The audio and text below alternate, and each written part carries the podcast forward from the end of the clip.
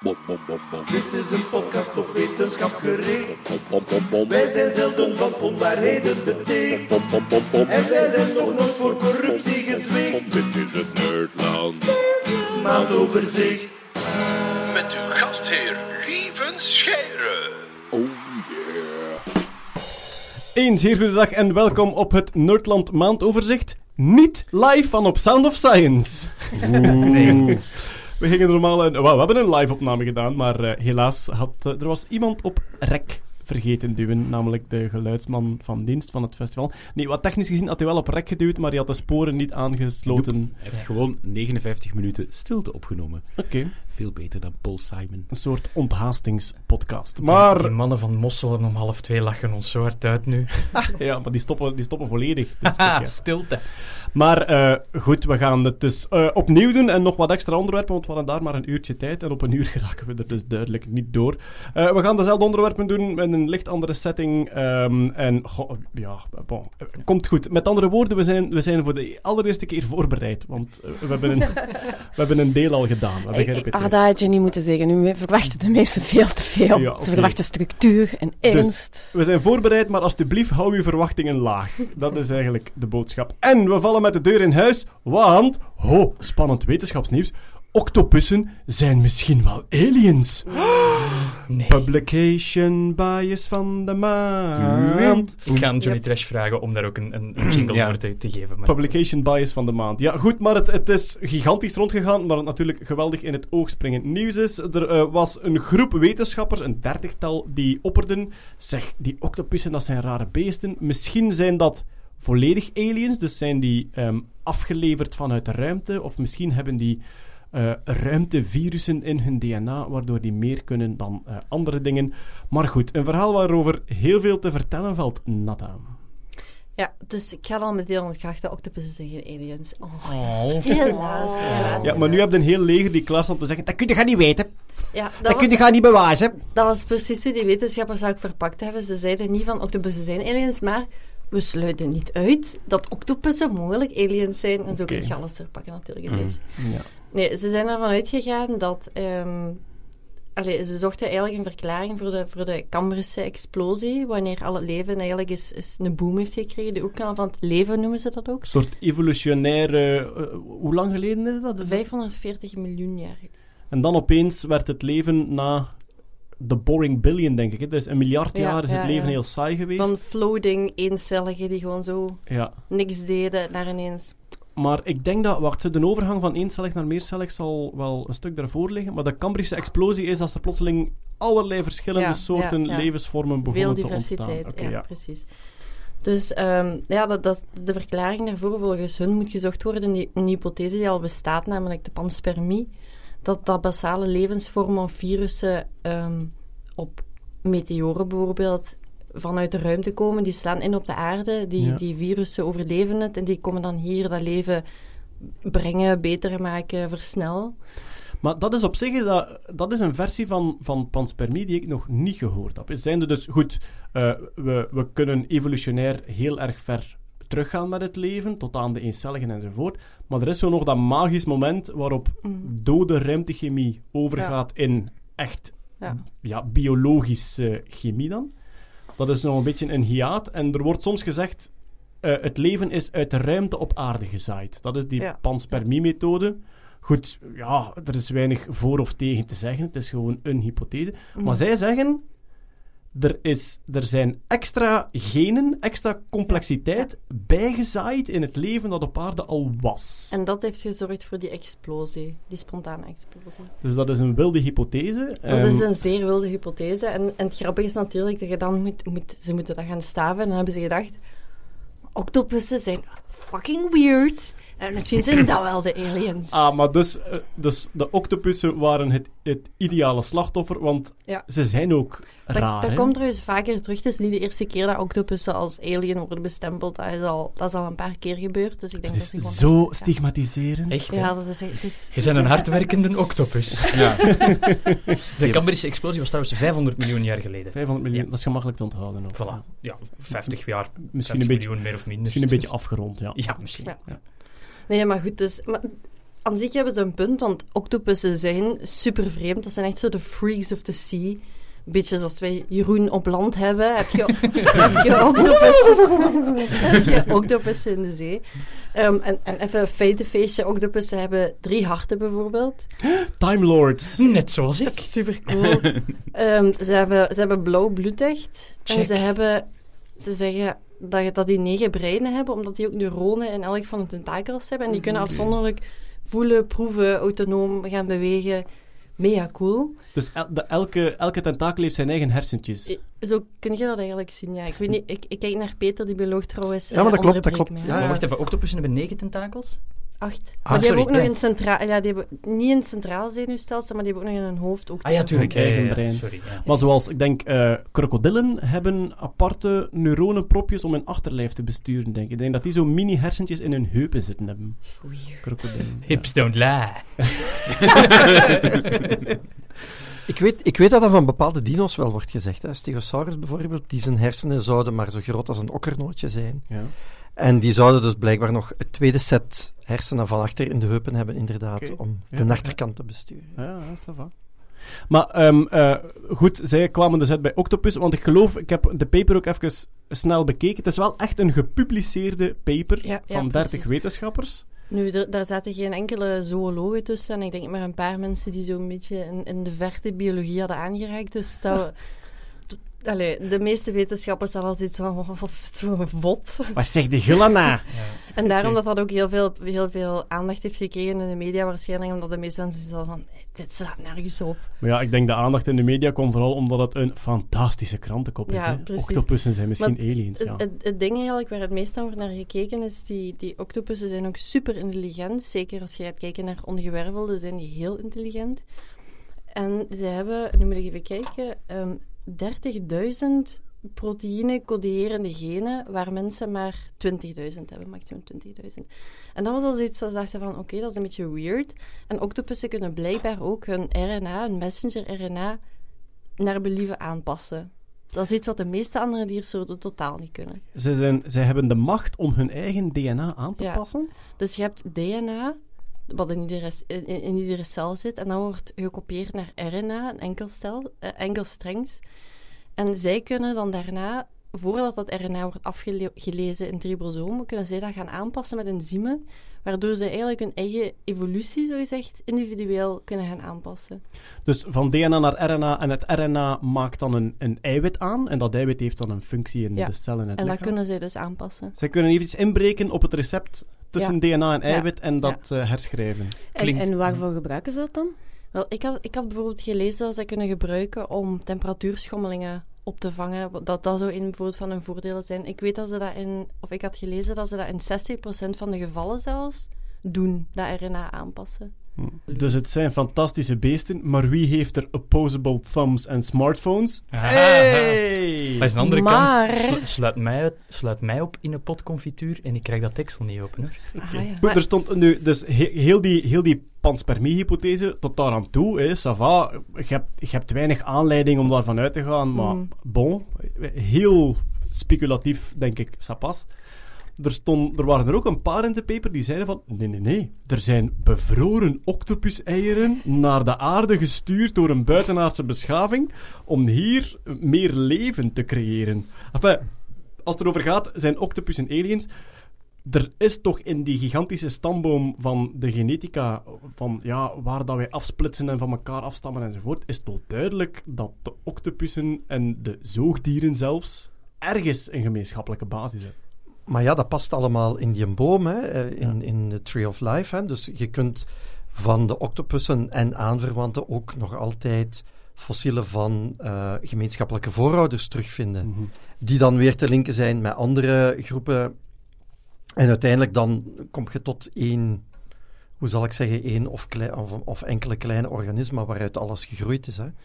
Ik- En, en ja, dat is niet. Allee, ik bedoel, je kan, je kan dat eerder bewijzen dan dat, je, dan dat je kan zeggen dat die dingen op een komeet of een meteoor hier op aarde zijn neergestort. Hè. Al of niet expres.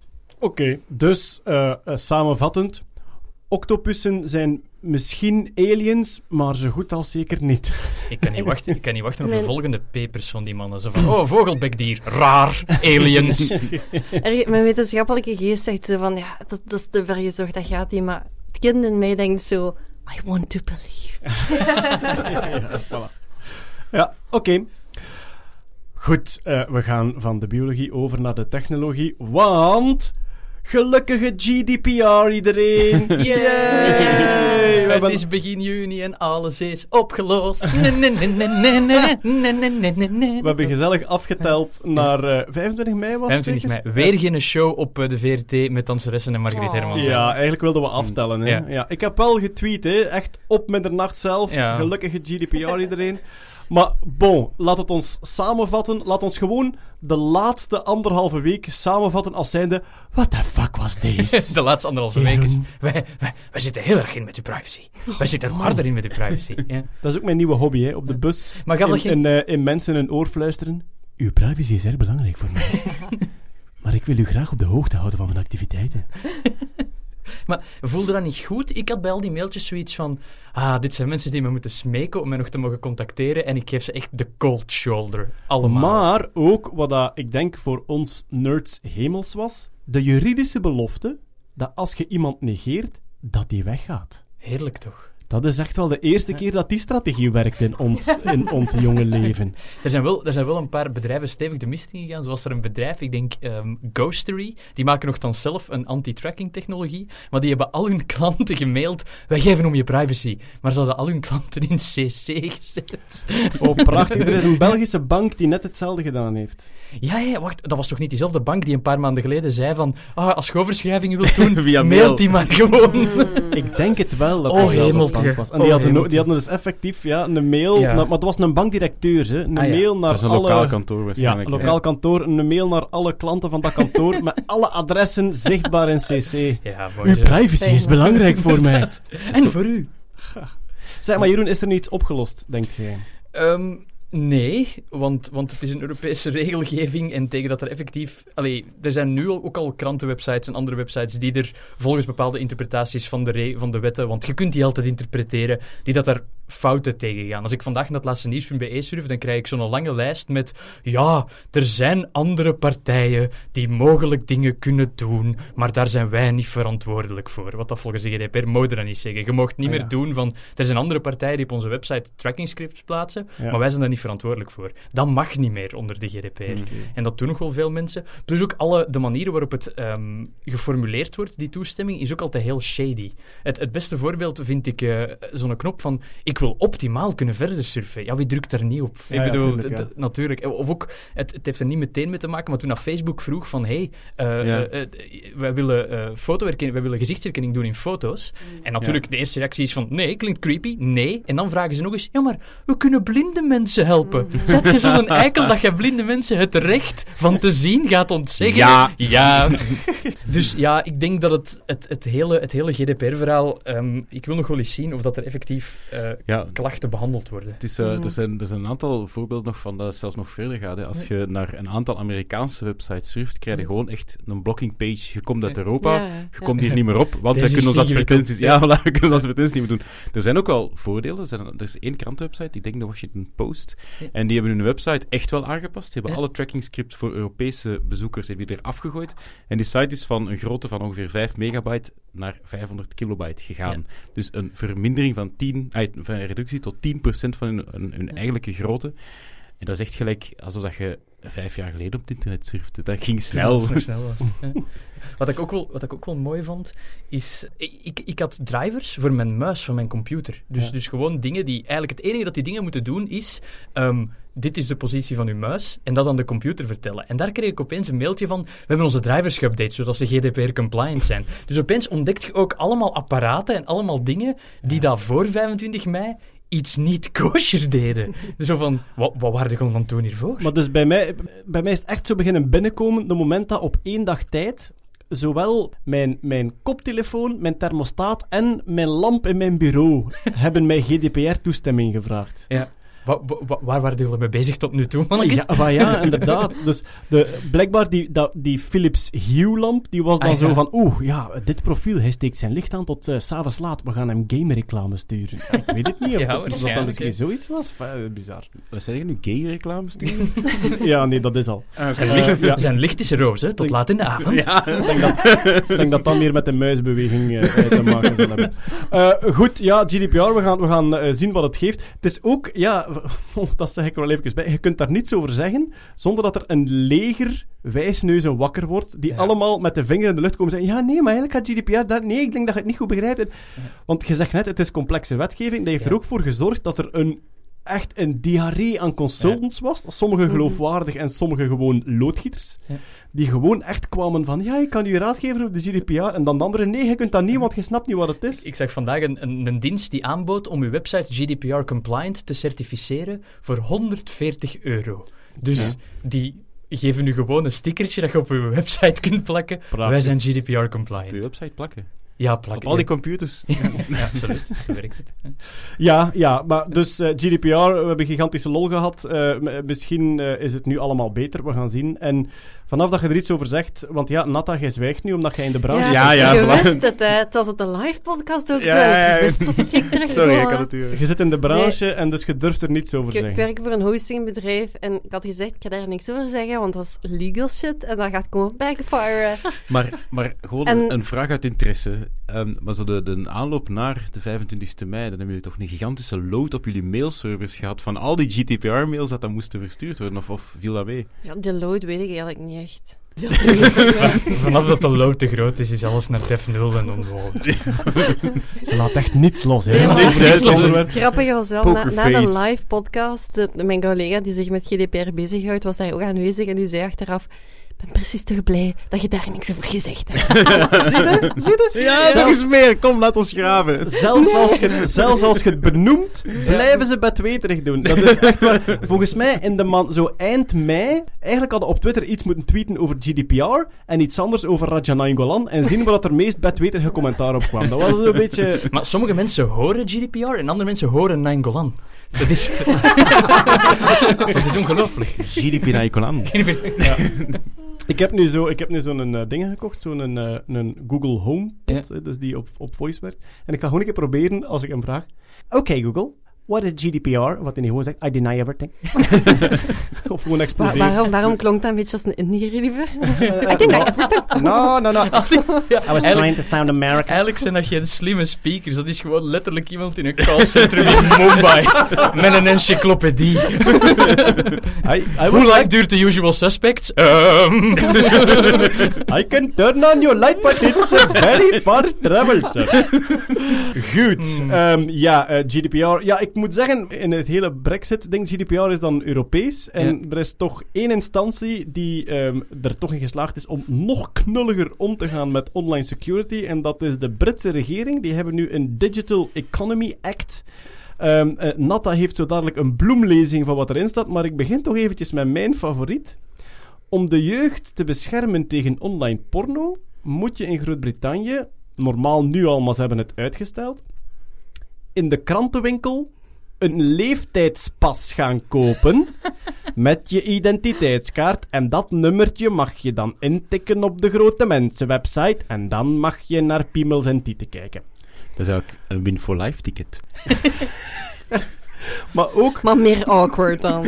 Maar dat, dat, dat zoiets... Ten eerste, dat je, dat je het luidop uitspreekt in de brainstorm vind ik al stuitend. Maar dat je, dat je denkt dat dat online zo werkt...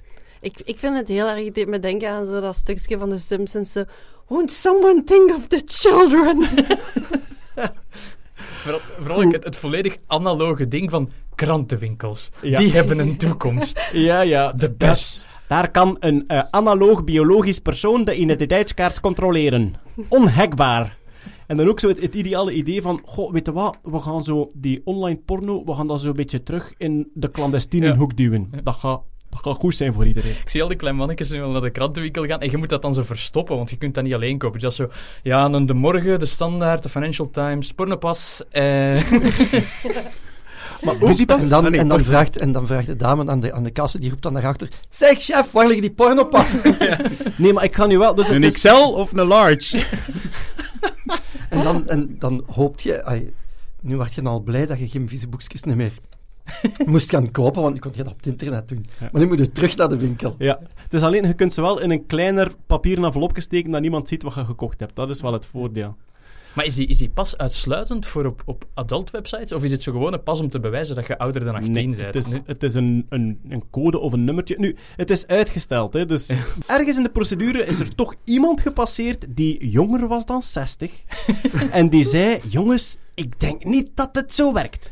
En dus het is uitgesteld. Maar ik beloof hierbij plechtig, als het ingevoerd wordt, ik ga naar Engeland en ik koop in. Dat wil ik gewoon meegemaakt. dat je tegen voor klein... in, hè? Ja. Dat je tegen je kleinkinderen kunt zeggen: Ik heb nog een analoge pornopas Dat gekocht. wordt zo ja, echt want zo... daar zitten nu kleinkinderen op te wachten. Vertel nog eens een verhaal. Ja, in die, in die tijd, maar ik word zo'n opa's, hè. Ik word, ik Dat wordt, zo... dat wordt een collectors item. Ja, ik Zo'n bun- zo... zo'n bundeltje, zo van, kijk kindjes, ja wacht, ze plakken nog wat aan elkaar.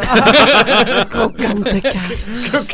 Ongebruikt, ongebruikt. Wat grappig was dus ook inderdaad dat ze, dat ze bepaalde porno eh, van het web willen halen of toch willen blokkeren in de UK.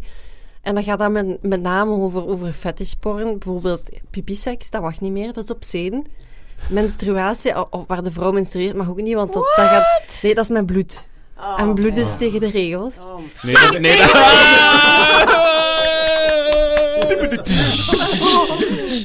Hier hebben we weer een jingle voor u. Ja. Maar dus... Maar dus, er- er zit iemand, er zit een UK-ambtenaar, zit nu al die porno te bekijken en die zegt, nee, dat is obscene. En die wordt daarvoor betaald. Dat is echt de chaperon van de porno, zo. Ja, ja, Maar dat is, zo, dat is zo het nieuwe Vaticaan. In, tijd in, in het Vaticaan, alle pornoliteratuur, die werd in beslag genomen en die staat daar nog altijd in die bibliotheek. En dat was dan waarschijnlijk ze lezen, oh, dit zou echt verboden moeten worden. Kun je zien wat op de volgende pagina beter wordt? Nee, nee, nee, het zou echt verboden moeten worden. En dus nu zit er zo waarschijnlijk zo een, een Brits manneke die de job van zijn leven heeft. Ja, Oh, this ja. is very indecent. Oh, such indecency. Oh, uh, this has to be forbidden. Ja, Of dat die Eh, bedrijven next. moet contacteren. Zeg in Kamslamp, eh, Kamslat Dumps 44, in scène 6. Ja, die in, in de pizzeria. Is dat, is, dat, is, dat, is dat urine of is dat gewoon vocht? Het is voor de overheid. eh. Oh man. Goed, eh, ja, maar dus de Digital Economy Act eh, in eh, Groot-Brittannië. we kijken daar naar uit. Wat soort knullige maatregelen dat ze nog gaan verzinnen. Bon, volgend nieuwsje. Ik was er zelf bijzonder enthousiast over. Namelijk, in Leipzig gaan ze in een laboratorium Neandertaler hersenen laten groeien. Pum pum pum. Zalig. Ook een mooie krantenkop en deze keer was het gewoon waar. Maar geen heel stel hersenen, lieve, laat ons Nee, zijn. geen volledige hersenen. Ah, nee, nee. En eh, ja, ik zal het even verduidelijken. Het is een techniek die al gebeurt voor mensenhersenen. Eh Katrien Verfaillie onder andere, de stamcelspecialiste in Leuven, denk ik.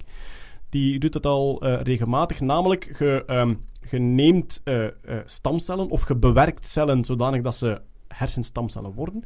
En dan laat je ehm, in vitro een hersenpropje, dus een propje hersenweefsel weefsel groeien ter grootte van een lins, zeggen ze zelf. Een lins. One lentil. Dat Geen ert. Ja, misschien een ert. Misschien dat in het Nederlands ert vaker gebruikt wordt, maar in het Engels blijkbaar zeggen ze vaak eh, lentil-sized. Hmm. Ehm, en waarom doen ze dat? Ze doen dat bijvoorbeeld bij mensen met een bepaalde hersenziekte, eh, Alzheimer, Parkinson enzovoort. Ze laten die hersenen groeien in vitro, omdat ze denken dat die dan dezelfde defecten gaan vertonen. Dus dat dat klein propje dat je uit stamcellen laat groeien, dezelfde defecten vertoont als bij de patiënt. En je moet dan geen biopsie gaan doen. Dus je kunt dan eigenlijk eh, een beetje hersenen laten groeien. En ook voor het onderzoek, je kunt eigenlijk constant monitoren wat daar allemaal in gebeurt. En of dat die elektrische signalen, biochemische signalen, Maar- afwijkend zijn van eh, gezonde hersenen. Ja. Maar dus diezelfde techniek, hè, er waren dan onderzoekers in eh, Leipzig en die dachten van goed, eh, we hebben Neandertaler DNA, omdat dat gewoon voor een groot stuk in ons eigen genoom nog zit. hè. Iedereen heeft zo 2%, 3% Neandertaler DNA. En blijkbaar hebben ze al die stukken verzameld die coderen voor de hersenen. Ze hebben die samengeplakt. Ze hebben dan zo een hersenstamcel van een mens gekrisperd en die Neandertaler eh, DNA-code daarin gestopt. En nu gaan ze dus het, net hetzelfde doen met Neandertaler hersenen. Een ja, linzengrootte dan, een ertgroot. Pak maar een ert. Voilà, een ertgroot, om dan gewoon te zien ehm, vormen die zich anders? Zitten die, is die structuur een beetje anders enzovoort? Ja. Er is nog discussie over. Allee, iedereen weet dat Neandertalers en Homo sapiens dat dat een verschillende soort geworden is, letterlijk. En eh 60.000 jaar geleden is er een grote migratie geweest vanuit Afrika naar eh, het Europese land. En toen hebben die eigenlijk Neandertalers en Homo sapiens zouden dan terug met elkaar wat gebabbeld hebben en misschien zelfs met, met elkaar eh, de, de dansjes van de liefde Op- op- gedaan. Op zee. Ja. Ah, En- de, de, de theorie is, wij hebben Ja. ze allemaal doodgedaan, maar we hebben er eerst mee gepoept. ja, dat is de theorie. Maar de, Klinkt de, plausibel. de, onderzoekers van, de onderzoekers van dit onderzoek, eh, onderzoek geloven daar niet in. Die geloven Oh. dat, ze, dat ze nooit terug met elkaar eh, gep- gepoeperd hebben. Oeh, en van waar ze- komt dat Neandertaler-DNA in ons genoom dan? Ja, dus er is wel gepoept geweest, maar dat was voor de grote migratie, blijkbaar. Ah, Ja. dus dat gemeenschappelijke komt van voordat we Ja, naar Europa ja, kwamen. Volgens, volgens eh, Svante Pabo, toch, ja. Van Ja. Tepabo toch? Svante Pabo, die zegt dat, ja. Hij zegt zelfs van... ehm, hij zegt, want sommige mensen zeggen van... eh, het, het bewijs van het gemixte DNA is dat er ook Neandertaler kunst gevonden is. Dus dat die een zekere vorm van intelligentie hadden waarmee die kunst konden maken. Maar hij zegt... ehm, goh, if I'm a little mean, I would say that if they did some art, it is very modern, because I don't see it as art. Die waren dus in een tijd vooruit. dan ergens, ergens in een grot hangt er een piscine omgekeerd. Maar, oh, sorry, maar... ah, ja. Eh, en wel, maar nu dat we toch op dat thema zitten, eh, er is eh, nog nieuws uit de Filipijnen. Namelijk, in de Filipijnen is een neushoorn gevonden met slachtsporen op de botten. En die zou 700.000 jaar geleden geslacht zijn, terwijl, met heel die migratie, de moderne mens daar pas 67.000 jaar geleden zou terechtgekomen zijn. En dus Logische is er... conclusie. Enfin, het is, een, het is een nieuw onderzoek. Er kan nog van alles aan de hand zijn. Misschien is de datering van de neushoorn fout enzovoort, maar die kans is klein. Maar dus het lijkt erop dat er 700.000 jaar geleden al een homonide, een mensachtige soort rondliep in de Filipijnen, die kon slachten met eh, scherpe stenen. Het waren de octopussen. Ja. Dat kan Ja, ook. waarschijnlijk. Ik denk dat het gaat over de, over de Homo erectus, zelfs die daar toen zou zijn gaan, omdat die al blijkbaar wanderde, redelijk ver. En ik had gelezen dat een van de mogelijke oorzaken, maar dan zie je dat ze nog niet echt ver zijn in een onderzoek, zou zijn. Misschien waren die mensen op dat moment in zee. En misschien was er toen een tsunami en zijn die zo tot aan de Filipijnen geraakt. En dat kan, want blijkbaar zijn er veel zo dingen die door random freak events gebeuren. En dat is een van de mogelijke verklaringen. Maar je hebt ook de, de Homo florensis, was zeker, denk ik. Die is in Indonesië. Hebben ze zo een hele kleine mensensoort. De hobbits. eh, Voilà, die ze ja. de hobbits genoemd hebben. Een kleine mensensoort ontdekt. Dus er ontstaat zo van alles over Mhm. de hele planeet. Van tja, er zijn allerlei vertakkingen geweest. En gek genoeg zijn wij de enige homonide die overgebleven is.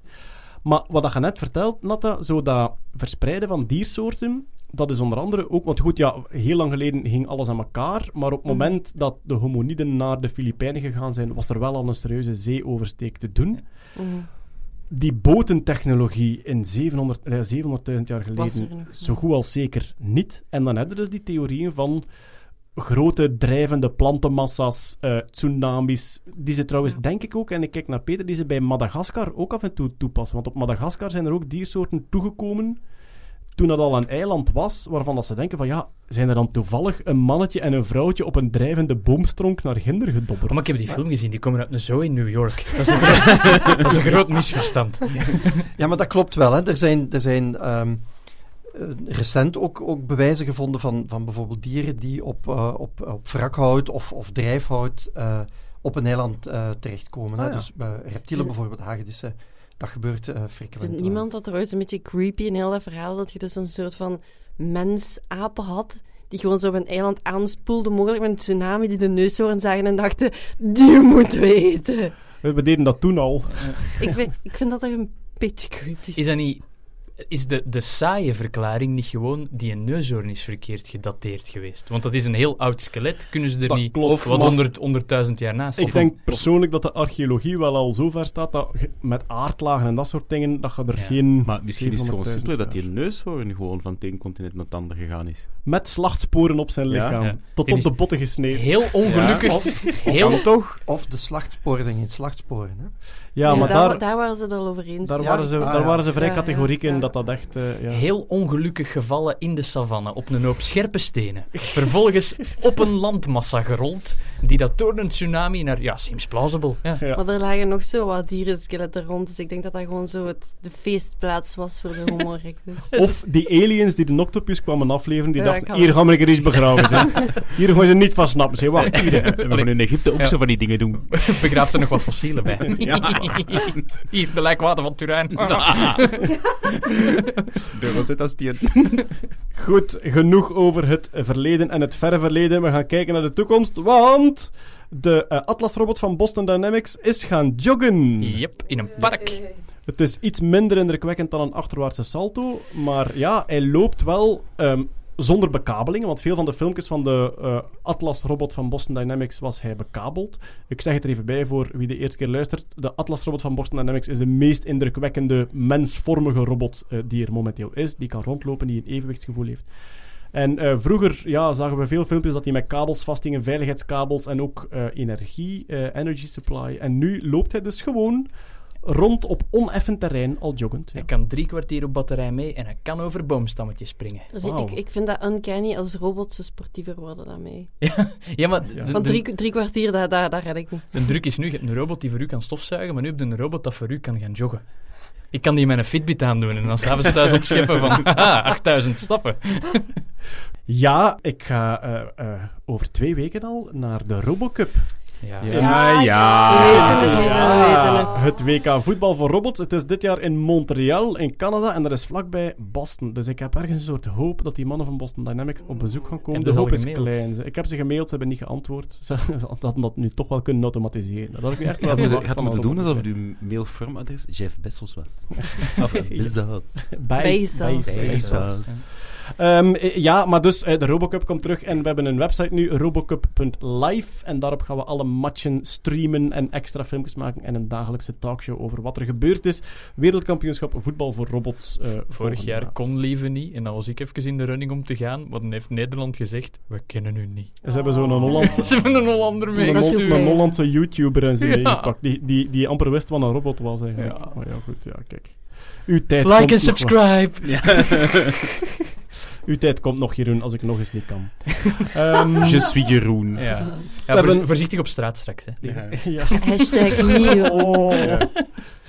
Eh, nog Boston Dynamics nieuws. Ze gaan hun Spot Mini verkopen. De Spot Mini, Spot Mini is die hondvormige robot, die we ook al indrukwekkende dingen zien doen. Tube op pootjes eigenlijk een Ja. beetje. En, ja, ehm, maar wel een geavanceerde tube op Ja, boord. ja. ja. en die ook zelfs eh, vuile glazen in de afwasmachine kon zetten en Ah, zo. ik ging net vragen, wat is het verschil met eh, die Spot Mini en die, die hond van eh, Nokia, denk ik? Ik denk wel zeker Ah, het Nokia Aibo. was. Aibo. Ja, ja, nee, Aibo is, is, dat is echt eerder speelgoed. Dat is Die een Spot- huisdiertje. Ja, die Ja. Spot Mini, die Oké, kon dus- deuren open doen. En, eh, Deuren open doen. Ja, ja. Spot, Spot Mini heeft een, ja, ons zelfs. zeggen, een, hoe heet dat, Eh, eh, schofthoogte Ja, van, van een meter of iets meer, denk ik. En daar hangt nog zo'n extendable arm op en die kan dus klinken vastpakken en eh, glazen van, van het aanrecht halen en in de vaatwas zetten enzovoort. Het lijkt een beetje op zo'n uitgemergelde windhond, vind ik, van profiel. Ja, dat klopt. zo'n, Dezelfde grootte. Ja. het is toch echt...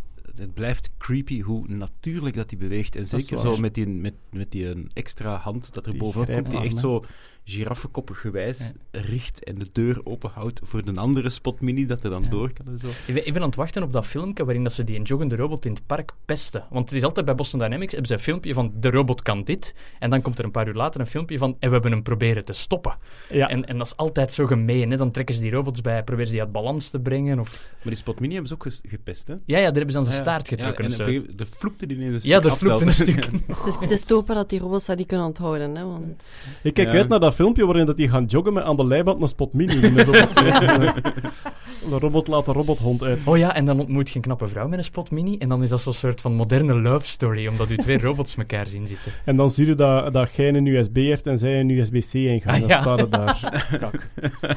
Maar ehm, eh, ja, die, die spotminis die gaan er 100 maken blijkbaar. Eh, ze gaan er 100 maken en beginnen verkopen. Dus die gaan peperduur zijn en waarschijnlijk als een soort eh, show-off voor, voor bedrijven. Als een soort, ja, technologische eye-catcher gaan die waarschijnlijk aangekocht, aangekocht worden. Maar zij spreken wel, niet in de nabije toekomst, maar in de verre toekomst, van hulprobots in huis. Op hoeveel geld zouden ze komen? Eh, Ze hebben nog geen Ah, ja, enkele prijs losgelaten, maar ja, dat, gaat, dat zal over de 100.000 gaan. Oh ja, gewoon een. Kickstarter. Ja, of Ja. met dat geld, Afstart, eh, voor, Met- voor de, doe het voor de nerd. of met dat geld van de VTM van de leven. Ik bedoel, Ah, dat ja, je moet Peanuts, peanuts. peanuts. Doe het, lieve. Ja, ik vrees dat je mijn status bij VTM eh, lichtelijk eh, overschat.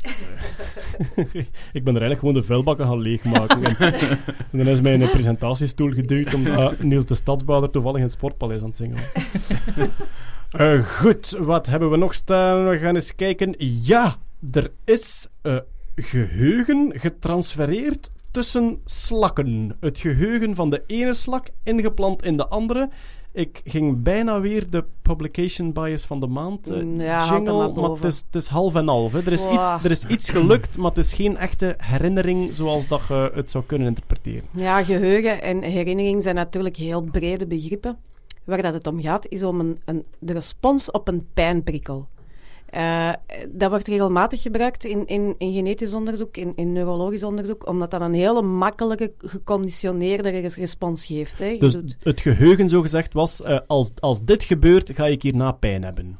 Ja, inderdaad. Allee, ja, ga ik pijn hebben en ga ik ook reageren. Het, gaat over, het gaat over zeeslakken.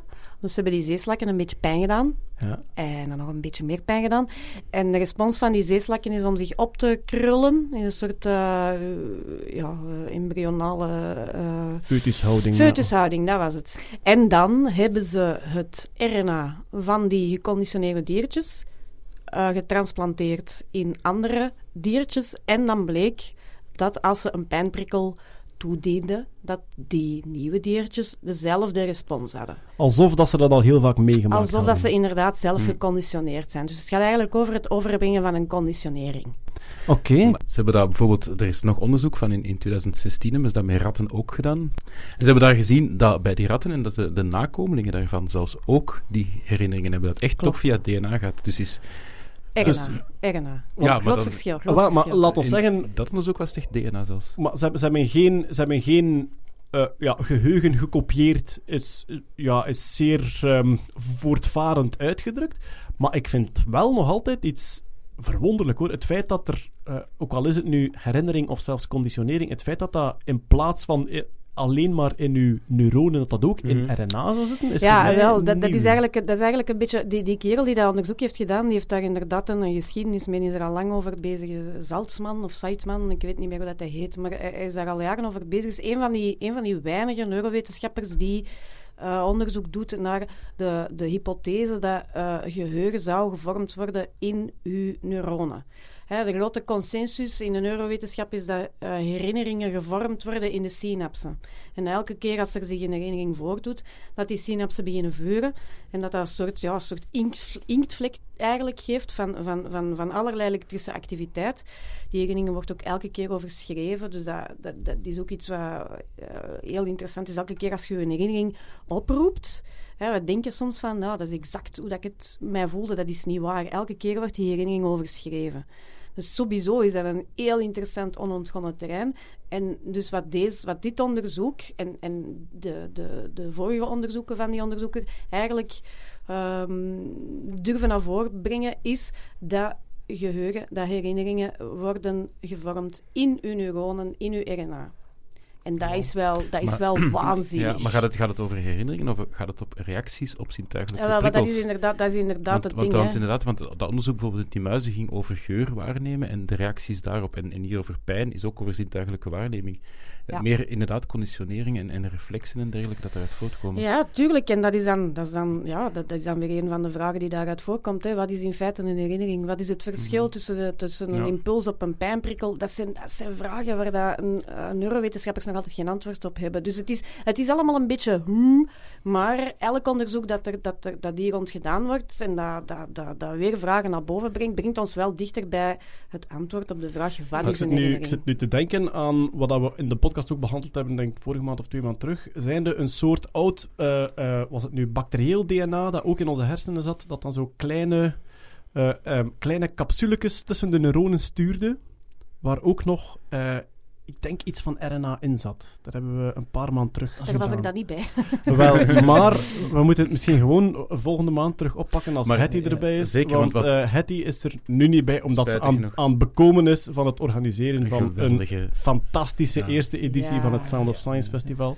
Dus zij mag nu, zij moet nu zelfs haar rust nemen. Ja, Ja. maar, maar sowieso de, de, de, de link tussen langs de ene kant neuroscience en langs de andere kant DNA en RNA en alle afgeleiden ervan is razend interessant. Dat klopt. Maar Dus, ik snap, eh, ik snap ja. één ding niet. Die zeeslakken die reageren op pijn. Ja.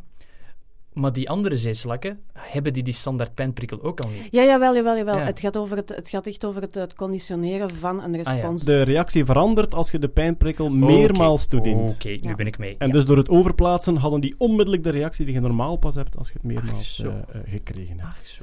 Eh, goed, maar ja, zo heel dat systeem van we doen dieren pijn en ze reageren, wordt eigenlijk vaak gebruikt om conditionering te testen. En ik Mhm. herinner me, een van de tofste zelf, vond ik, was dat ze dat gebruikt hebben als bewijs dat rupsen, eh, dat vlinders nog de herinnering hebben die ze als rups hadden. Omdat ja, de overgang van een rups naar een vlinder is, is vrij dramatisch. Hè. Die rups die wordt gewoon pap. En uit die... Maar ja, mensen denken soms van, ah, daar komen pootjes uit die rups en vleugels uit. Ja, nee, die rups gaat, die rups gaat stuk. Dat wordt gewoon soep. En uit die soep, daar zit een kiem in en daar groeit een compleet nieuwe vlinder uit. Dus er was zelfs even de theorie dat dat twee verschillende diersoorten zouden zijn. Ja, dat is even geopperd, dat dat eigenlijk twee verschillende diersoorten zouden zijn. En zelfs hebben ze ooit gezegd, de vlinder is een soort parasiet, is een soort kiem die in de rups zit. En dus dat ze parasieten op elkaar zouden zijn. Maar dan hebben ze getest, als we nu een rups conditioneren met een laserlicht en dan een pijnprikkel, gaat die vlinder daar ook op reageren. En dat was zo. En ik kijk nu naar de entomoloog Ja, om te bevestigen Ja, ja, of te ontkennen. Wat moet ik daar nu aan toevoegen? Dat was helemaal juist. Je voelt je precies persoonlijk aangesproken. Ik heb het er niet uitgevonden, hè, zeg. Nee, nee, maar dat is inderdaad zo. En, en eh, er zijn, maar er is consensus over dat het één en hetzelfde organisme is. Er zijn een paar zo van die gekke biologen die ooit geopperd hebben van, ja, dat zouden misschien toch wel eens twee beesten kunnen zijn. Maar inderdaad, dit is een van de bewijzen dat het één en hetzelfde organisme is. Al heb je daar een specialisatie in ehm, twee verschillende opdrachten die je als organisme moet doen. Eén, groeien. Twee, voortplanten. Ja. En bij insecten is dat dus echt heel mooi gescheiden. En een heel... Ja, maar dat is zo. Want er zijn... want dus ja, maar niet helemaal. Want, eh, Dus de, de, de, de rups is eigenlijk, die moet zich volvreten om een dat soort... is eigenlijk gewoon een maag met pootjes. dat moet een levende batterij worden Ja. eigenlijk voor de volgende fase. Ja. En als ik me niet vergis, zijn er redelijk wat insecten die als adult geen monddelen hebben. Omdat Ja, ja, ja, ja. Eendagsvliegen bijvoorbeeld. Heel veel eendagsvliegen hebben geen... Klopt, dat- Het, klopt e- dat ook, het, want, eten, het eten heeft de rups al gedaan. Jij moet alleen maar zwijgen en poepen. Ja. Dat is... Ja, eh, rups bij muggen is dat een toch maag ook met niet? pootjes. En de vlinder is gewoon een piemel met vleugels. Dat is gelijk die zei. Of mooie one-line. Ja. De fases van het leven. Dat is, dat is, dat is- zo een gedicht van Shakespeare, de, de Stages of Life. Wel, bij insecten Ja, is het dus ja, anders. hè, ja. Eerst zei de maag met poten en dan zei de een, een piet of een foef met vleugels. Het het Ik heeft ken me ook, ik ken wel zo mensen, gewoon met potjes. het heeft een beetje denken aan dat kinderboek van die rups die keihard gepest wordt. En op het einde van het boek is dan de clue van, maar ik word een mooie vlinder, jullie hebben allemaal onterecht gepest. Maar eigenlijk herinnert die vlinder zich nog alles. ja, inderdaad. Ja. Wauw. Huilen. We gaan gewoon bij u blijven, Peter. Eh, want de robots gaan de bijen redden. Eh, we, hebben, ja, we hebben daarnet al een robothond gehad. Ik denk dat iedereen dan al een beetje een flashback had naar Black, Mirror. ja. En dus nu hebben we nog een Black ja. Mirror aflevering. eh Ja, robotbijen. maar, maar het is niet zo spectaculair als een titel doet vermoeden. Hè. Maar ik heb het ook ik gezien. heb de, de robotjes gezien, het zijn zo van die kleine torentjes. En ze kunnen zelfs niet bewegen. En het enige wat ze kunnen doen, is de directe omgeving van de raad ofwel opwarmen, ofwel kunnen ze van die lichte luchtstootjes uitstoten. Hoezo, ze kunnen Maar niet wat is bewegen. de, wat is nee, de ze kunnen niet functie? bewegen, het zijn, het zijn geen, het zijn geen robots. Wat, wat is de, wat is de functie? Waarom hebben ze dat geïnstalleerd? Wel, ehm, er is blijkbaar een instituut dat onderzoek doet naar zwermgedrag en hoe ze dat zwermgedrag zowel bij bijen als bij zebravisjes kunnen beïnvloeden. Hm. Dus bij de vissen hadden ze dus eh, eigenlijk een vissenrobotje nagebouwd en ze kunnen die dan bepaalde bewegingen laten doen, waardoor die vissen daar hopelijk dan op reageren. En bij de bijen hadden ze eigenlijk, eigenlijk is het niet meer dan gewoon een torentje dat eh, wordt ingebouwd en dat torentje kan ofwel de directe omgeving van de raad eh, opwarmen, waardoor de bijen worden aangetrokken, Ofwel als ze de bijen willen wegjagen, gewoon zo lucht op die bijen beginnen te blazen. En dat noemen ze robots. En dat noemen ze dan de robot. Ja, Sorry, maar als je, als je bij mij thuis komt en ik wijs naar de radiator... Ja, we hebben een robot in huis. Ja. Jeroen, Jeroen, dat is een chauffage. Ja, Ja, en dan de ventilator ernaast. Dus het was, ik, toen, ik, toen ik het las, ik dacht zo, oh cool. Hè? Dus ik, ik had ook echt zo die Mini Black drones, Mirror afle- ja. eh, aflevering voor ogen.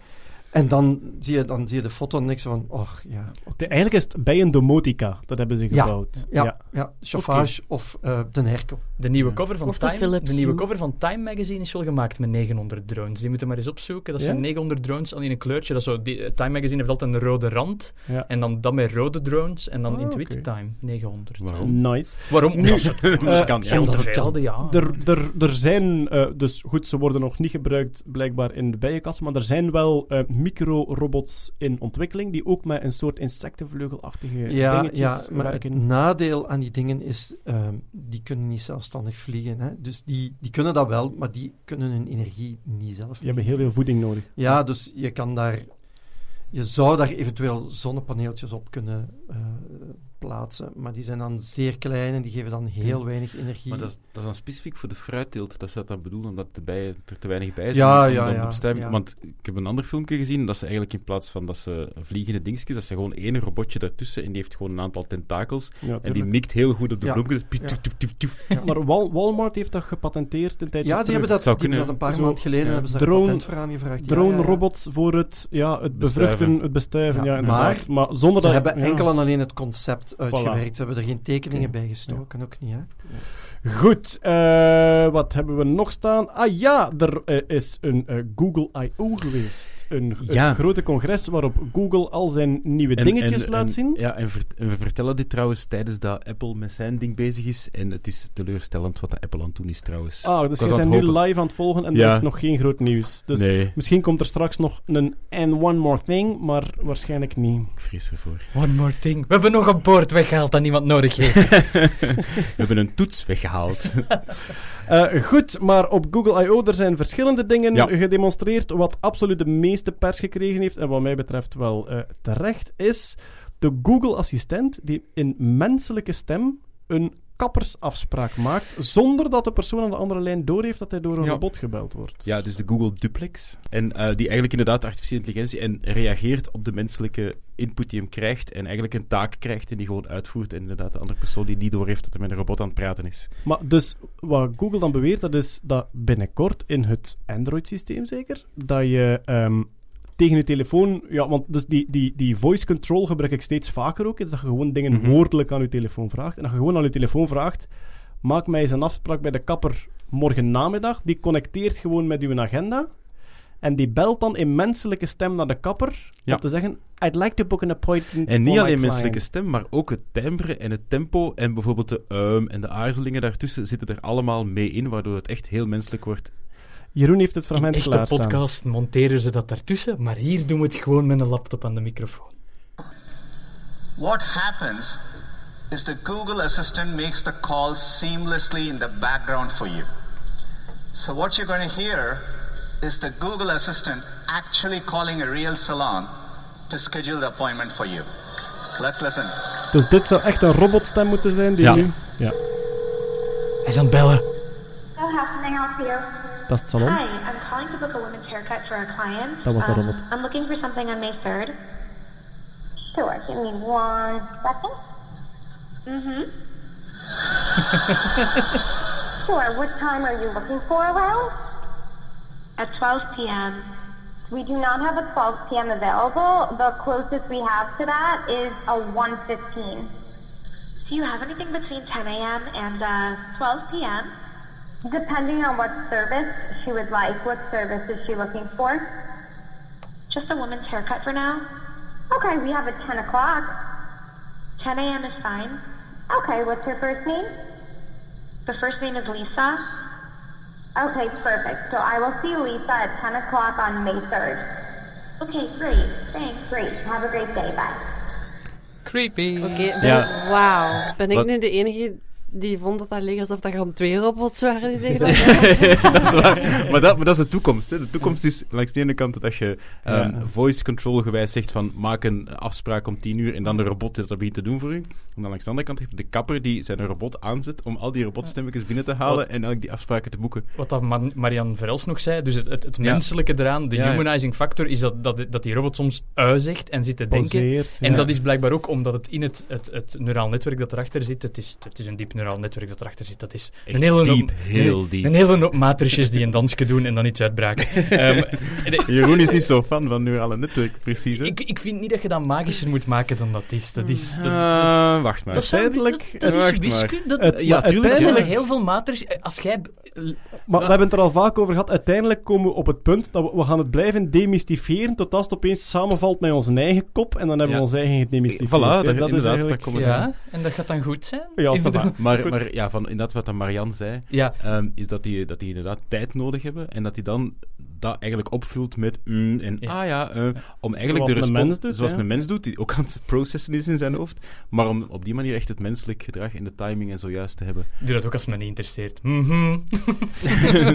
De, de, intonatie is indrukwekkend. Ja. Hè? En ook Ja, hoe, ze, hoe bijvoorbeeld op een heel Amerikaanse manier op het einde van haar, van haar zin naar boven gaat. Ja, dat is juist. Dat is zoiets Daar is heel een term voor, hè. De, Aanvulling vanuit de, de montage, de term is upspeak. Dus intonatie die omhoog gaat op het einde van de zin is upspeak.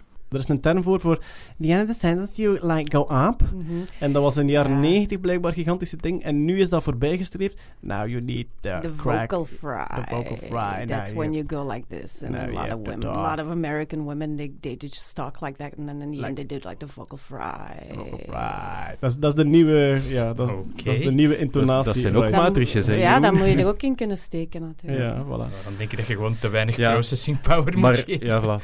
Maar ik denk, ey, er was een beetje kritiek, want ze zeiden van ja, dat is geanceneerd en zo. Nu, ik geloof wel heel hard dat het echt was, maar ik geloof ook wel dat ze er honderd anderen ook getest hebben die Ja. ze niet hebben laten horen natuurlijk. Maar, Maar- ik denk dat dit wel ey, echt is en, en- en we zijn er echt wel eh, naar, op, op, ja, naartoe aan het gaan. Maar hoe snel ga je dit als eindgebruiker kunnen inschakelen? Dat je gewoon zegt, eh, voice assistant, zoek mij een restaurant in... Ja, Google is het aan het uitrollen. En de timing, ik weet niet zeker welke timing dat ze gezegd hebben, maar ja, Toen was het binnenkort in de Google Ja, Assistant. voilà. Maar ja, ja. Oké. Nu, er was ook kritiek op het feit dat de persoon aan de andere lijn niet wist dat hij met een robot aan het praten was. ach, En ehm, goed, ja, je, je kunt daar, je kunt daar voor en tegen zijn. Ik denk persoonlijk, lijkt het mij wel logisch, dat hij zich zo gaat kenbaar maken. Dat hij gewoon gaat zeggen van, I'm the digital assistant of Kurt Beheid and I'd like to book Ja, maar zeker voor dit experiment krijgen we natuurlijk wel self-destroying en self-fulfilling prophecies, dat mensen zich gaan gedragen aan de computer en dat je eigenlijk dat je experiment Ja. mislukt. Dus Ja, want ja, het, het wonderlijke is dat ehm, de personen eh, aan de andere kant van de lijn antwoorden ook gewoon en zeggen niet I have 10 p.m. ja, voilà. free. Ja. Dus ja. Het leek zo'n beetje een achteruitgang tegenover, want je verwacht van een restaurant of dit of dat, dat die online boekingssystemen Right. hebben. Waarom- en dat gewoon, waarom ja, waarom terug naar analoog? Maar het is inderdaad voor kleinere Ja. businesses die... Daar eh, heeft Google ook op gereageerd en zei van ja, dit gaat inderdaad, dat gaat niet over de grote keten, want die gaan al lang eh, de efficiëntieoefening gemaakt hebben om online boekingen toe te staan. Dit gaat hem over de, het kleine lokale koffiehuis of restaurant, de kleine start-up die daar nog niet is. En die toch op die manier eh, allee, ja, toch een gigantische tijdwinning is voor u als gebruiker, om dat door uw assistent te laten doen. En misschien ook wel goed voor mensen met een beperking. Ja. Denk ik. Kan, ja. Ik zou willen dat je die assistent, dat je die ook zo wat emoties kunt instellen. Zo bel kwaad naar mijn kat. bel heel boertig naar lieve scheren. Ik zou dat heerlijk vinden. Bel super assertief naar het restaurant. Ja. Als u afsnauwen, direct toegeven. hey, deze is de persoonlijke assistent van de Gerre. Eh, Er, er- er eh, bestaan gedacht- services, hè. Dat je echt zo online kunt gaan zeggen, dat moeten ze zeggen, en dan belt er iemand echt kwaad, en naar iemand anders kun iemand kijken hoe... eh, Zeg, ja, ik had gedacht van misschien vanavond met acht personen. Allee, als het past, hè. Eh, eh, allee, ja, bedoel, als, je- ik, wil, allee, ik wil je niet ontgrieven, nee. Als het moeilijk is, dan... Nee, nee, nee, maar zo, als je... Als je het zou toch, het zou toch lukken? Ja. Oh, ja, va, va, dat die robots zijn toch efficiënt, ja, dus eh, Ja. tijdswinst. Maar allee, eh, eh, ik vind wel, dus het werkt indrukwekkend, maar ik zit me nu in te beelden dat dus volgens Google, als alles vlot loopt, dat wij effectief binnen het jaar nog Mhm. aan ons systeem zeggen, maak mij een afspraak. Dat dat allemaal gewoon gebeurt terwijl wij verder ja, onze afwas aan het doen zijn, zeker. En dat hij dan opeens zegt, pling, ik heb die afspraak gemaakt. En dat er zo'n Ja. soort gesprek gebeurd is zonder dat je Maar, ja, absoluut. En, en er zijn nog andere dingen, hè, want nu die Google Duplex is wel het meest opvallende, het meest in de pers beschreven van Google I.O. Maar ja, het was bijna allemaal artifici- artificiële intelligentie wat de klok sloeg. Bijvoorbeeld, ze hebben in Gmail gaan ze inbouwen dat je automatisch een mail kunt schrijven. Hoe? Ja, Smart Compose heet het. En eigenlijk, die maakt een draft mail en verstuurt hem nog niet automatisch. Gelukkig misschien. Eh, maar als een antwoord op een mail dat hij eigenlijk volledig voor u voorbereidt. Appel, appel, appel, appel. ja, appel. voilà, bijvoorbeeld. Dus als er is iemand die zegt van, hey, ik, ik ga volgende week naar de cinema, mijn kameraden gaan er niet mee. Het artificiële intelligentiesysteem Yep. ziet van, als een die en een die erbij is, zegt hij meestal af. Dus die schrijft eigenlijk al, die schrijft eigenlijk al van, oh, ik zou wel Ja, willen, maar ik heb of die tijd. kijkt naar uw agenda en die zegt van ja, ik heb tijd of ik heb geen tijd. En die begint al gewoon een mail voor te schrijven voor u. Wel, wel. Ja. Oké. Ik denk, Ja. met, met al die automatische antwoorden en assistenten, de eerste paar keer vertrouwde dat toch niet en controleerde dat ook zo. van, Ja. Ja, ja, ik heb een afspraak bij de kapper gemaakt. En de volgende dag leveren ze 30.000 croissants. gewoon, gewoon. Gewoon, ja. Dus kijk hoe als je nu dat in de UK kunt gebruiken voor naar de winkel, naar de krantenwinkel te gaan. Ga mij een keer een H-pass gaan Ja. halen in de krantenwinkel. Hello, I'm here to get an H-pass for my client. Ja, en er zijn nog een aantal andere kleine dingen, gelijk zo Google Lens, zo de fotosoftware eh, op Android, wordt nog zelfs de OCR daaruit wordt uitgebreid, dat je zelfs nog tekst in beelden gewoon direct gaat OCR zijn de... OCR is Optical Character Recognition, is de manier hoe dat eigenlijk software in een beeld tekst eruit gaat halen. Het bekendste voorbeeld daarvan is bijvoorbeeld de nummerplaatherkenning in flitspalen. Dus Ja. een foto van een auto en halen de taxplaat eruit, de nummerplaat eruit. Maar dat hij eigenlijk die OCR contextgewijs samen met beeld gaat interpreteren en op basis daar eigenlijk ehm, zoekopdrachten van gaat doen. Of objecten, kleren op foto's van celebrities gaat herkennen en je gewoon de shop aanbiedt van waar dat je die schoenen of die chacos en zo kunt gaan kopen. Sterfkapitalisme. Ja, Ja, inderdaad. Dat is zo, dat is, ja. Maar dus eigenlijk de dood van de QR-codes. Maar wat dat betreft, en dat is eigenlijk al een klein beetje Bezos nieuws, eh, Amazon Recognition is ook zo, is eigenlijk een, een, ja, een beeldherkenningssoftware, vooral gezichtsherkenning. En Amazon Recognition herkent dus eh, eh, gezichten en volgt die ook, is blijkbaar gebruikt door een tv-zender op het huwelijk van Harry en Meghan, het eh, koninklijke huwelijk in Engeland, want royalty schmoyalty. Hey, En, that was ehm, nice. Pardon? It was nice. Maar nice, ja, oké, dat Nice. kan wel, maar bon, die het mens... was redelijk revolutionair eigenlijk. Ja, zo. maar die, die mensen enige verdienste is dat hij uit de juiste foef gevallen is. Hè. Ja, En- maar daar gaat het niet over. Het, was, het, ging, het, ging vooral, het revolutionaire ging vooral over het feit dat het eigenlijk een, dat het een multiraciaal huwelijk was. En dat, klopt, er heel veel protocol is gesneuveld. eh, en dat was Dat is juist, Dat is ook dat is waar. Maar had inderdaad zo die foto's van, van Meghan en Harry en dan zo die onderschriften van ja, dit maakt mij echt trots dat dat... Nu zie je dat dat echt voor iedereen mogelijk is. En ik dacht van ja, Hmm. het geeft mij ook hoop dat dit mogelijk is. Dat je als middelmatige rosse schlemiel toch een soort super getalenteerd topmodel kunt trouwen. Gewoon omdat je uit de juiste foef gevallen bent. Dat maakt veel mogelijk voor mensen, dat is waar. Dat is waar. Bon, eh swat. eh, gen- genoeg, eh, ehm, hoe, hoe heet dat? Kroonschennis? Godslaster. Nee, Ja, niet godslaster. Troon, troonschennis of Troonschennis, zo. Enfin, ja. Geschmiegel. Maar dus op het, eh, op het huwelijk, omdat ja, daar passeert een, een, heel, eh, een hele container celebrities. En ehm, de royalty watchers kennen zelfs niet iedereen. Dus Amazon Recognition was dat gewoon in de gaten aan het houden. En als er een in beeld kwam die bekend was, dan kwam er automatisch een soort infobox boven zijn hoofd wie hij was en van waar. Zo'n diamantje zo. Ja, voilà. Ja. En als ze dan nog kunnen zien wat ze dragen, dan is er eigenlijk Ja. een hele generatie Ja. journalisten eh, Zelfs die de, niet zelfs royalty komen. watcher is zijn job kwijt Oh, aan, Yep. eh, aan robots. Ja, dat klopt. Als, als dat algoritme mist, is dat toch pijnlijk. Dit is David Beckham, dit is Victoria Beckham. dit is, ik wil zeggen, een vervallen pudding. Ik, eh, ik weet het niet. Oh. Ja, het is spijtig dat Marianne er niet bij is, want om, om zo te vervallen pudding, Marianne Vrijlst heeft zo een beetje onderzoek gedaan naar hoe dat artificiële intelligentie in beeldherkenning kan misleid worden Ja. door daar kleine pixeltjes bij te tekenen. Ah, dat je denkt, en dat zou inderdaad wel op dat moment... Ik kan me inbeelden dat je zo'n kwestie van censuur in dat soort systeem rondloopt met zo'n klein zwart pixelje naast en zo'n hoedje met zo'n klein zwart pixelje ernaast, maar dat is- je een banaan bent in plaats van... Maar dat is ook software die deze maand eh, eh, online gekomen is. En dat is software die uw foto's zodanig bewerkt werkt, dat er minimaal veranderd voilà, wordt, maar die toch de, de facial recognition eigenlijk in de war Ja. stuurt. Dus eigenlijk terug extra captcha's toevoegt aan Ja. foto's. Goed, dat, dat duurt ook niet zo lang, want de nieuwe versie gaat dat dan voilà. weer, weer omzeilen. Maar goed, ja, dus dat is gebruikt op het eh, huwelijk van Harry en Meghan. En alle keren als ik dat hoorde, de, de marriage of Harry en Meghan, in mijn kop ging het dan van... Meghan is een lieve, maar ze is rond. ze is koekeroend. Wat? Het is voor de insiders, Stefanie. Ik heb alleen naar, naar ja, Debation Island gekeken en Ja. ik heb alles meegekregen. ja, voilà. Ik heb nog eh, één laatste artificial intelligence eh, nieuwsje. Namelijk, een artificieel intelligente robot is er eindelijk in geslaagd om een mens aan te kleden. Enfin, het lukt al met één mouw. Bijzonder intelligent. Ja, amai. dus het Eh, is een... eh, het is jij een hebt mij maar nog niet zien aankleden, dus dat is, dat is een mijlpaal. Het is een, eh, de PR2 is blijkbaar een soort standaard... PR2? Ja, PR2 is een soort eh, robot met armen, eh, maar zonder benen. Het is een soort robot met armen die heel vaak gebruikt wordt. Een- hij is duur, hij is 250 Een echte of robot of een radiator? nee, een, een echte, een echte robot. En die wordt blijkbaar vaak gebruikt voor onderzoeksprogrammeerdoeleinden, omdat hij zoveel dingen kan. En je kunt dan gewoon dat platform kopen en daarmee werken. Dat is trouwens ook die die gebruikt is door eh, Pieter Abeel om een handdoek mee op te vouwen. Ooit gezien? Nee. Pieter Abeel is een eh, Belgische ingenieur die op eh, in, is het MIT, in Amerika ergens op een universiteit zit. En die dus robotonderzoek doet. En hij was de eerste die erin geslaagd is om een robot een handdoek te laten opnemen, die rondom rond bekijken en dus kunnen afleiden hoe dat die in elkaar Ah, zit, die hoeken vast te pakken en die dicht te plooien. En hij had ongeveer een kwartier nodig per handdoek. Nog altijd het sneller dan Jeroen Baert. ja, eh, de, ik ga pas onder de indruk zijn op het moment dat lukt met een hoeslaken. Ja, nooit. Nooit. Dan, dat, is de singularity, dan dat is ja. gedaan. Ja, En ook is robot dat- die een hoeslaken... Dat is Is onmogelijk. dat vergelijkbaar met die robots, die, die, die tweearmige dingen die, die ze in de keuken kunnen gebruiken? Die zo...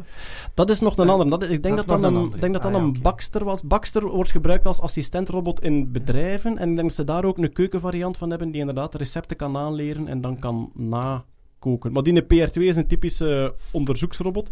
En dus op gelijkaardige manier hebben ze nu een geprogrammeerd om een eh, kledingstuk vast te nemen. En als een mens binnenkomt en zich klaarstelt, dus eh, dat aan te doen. En er zit dus één mouw ver. Dat is momenteel. kan hem het ook al omgekeerd, zoals een soort van de werelds triestigste stripact.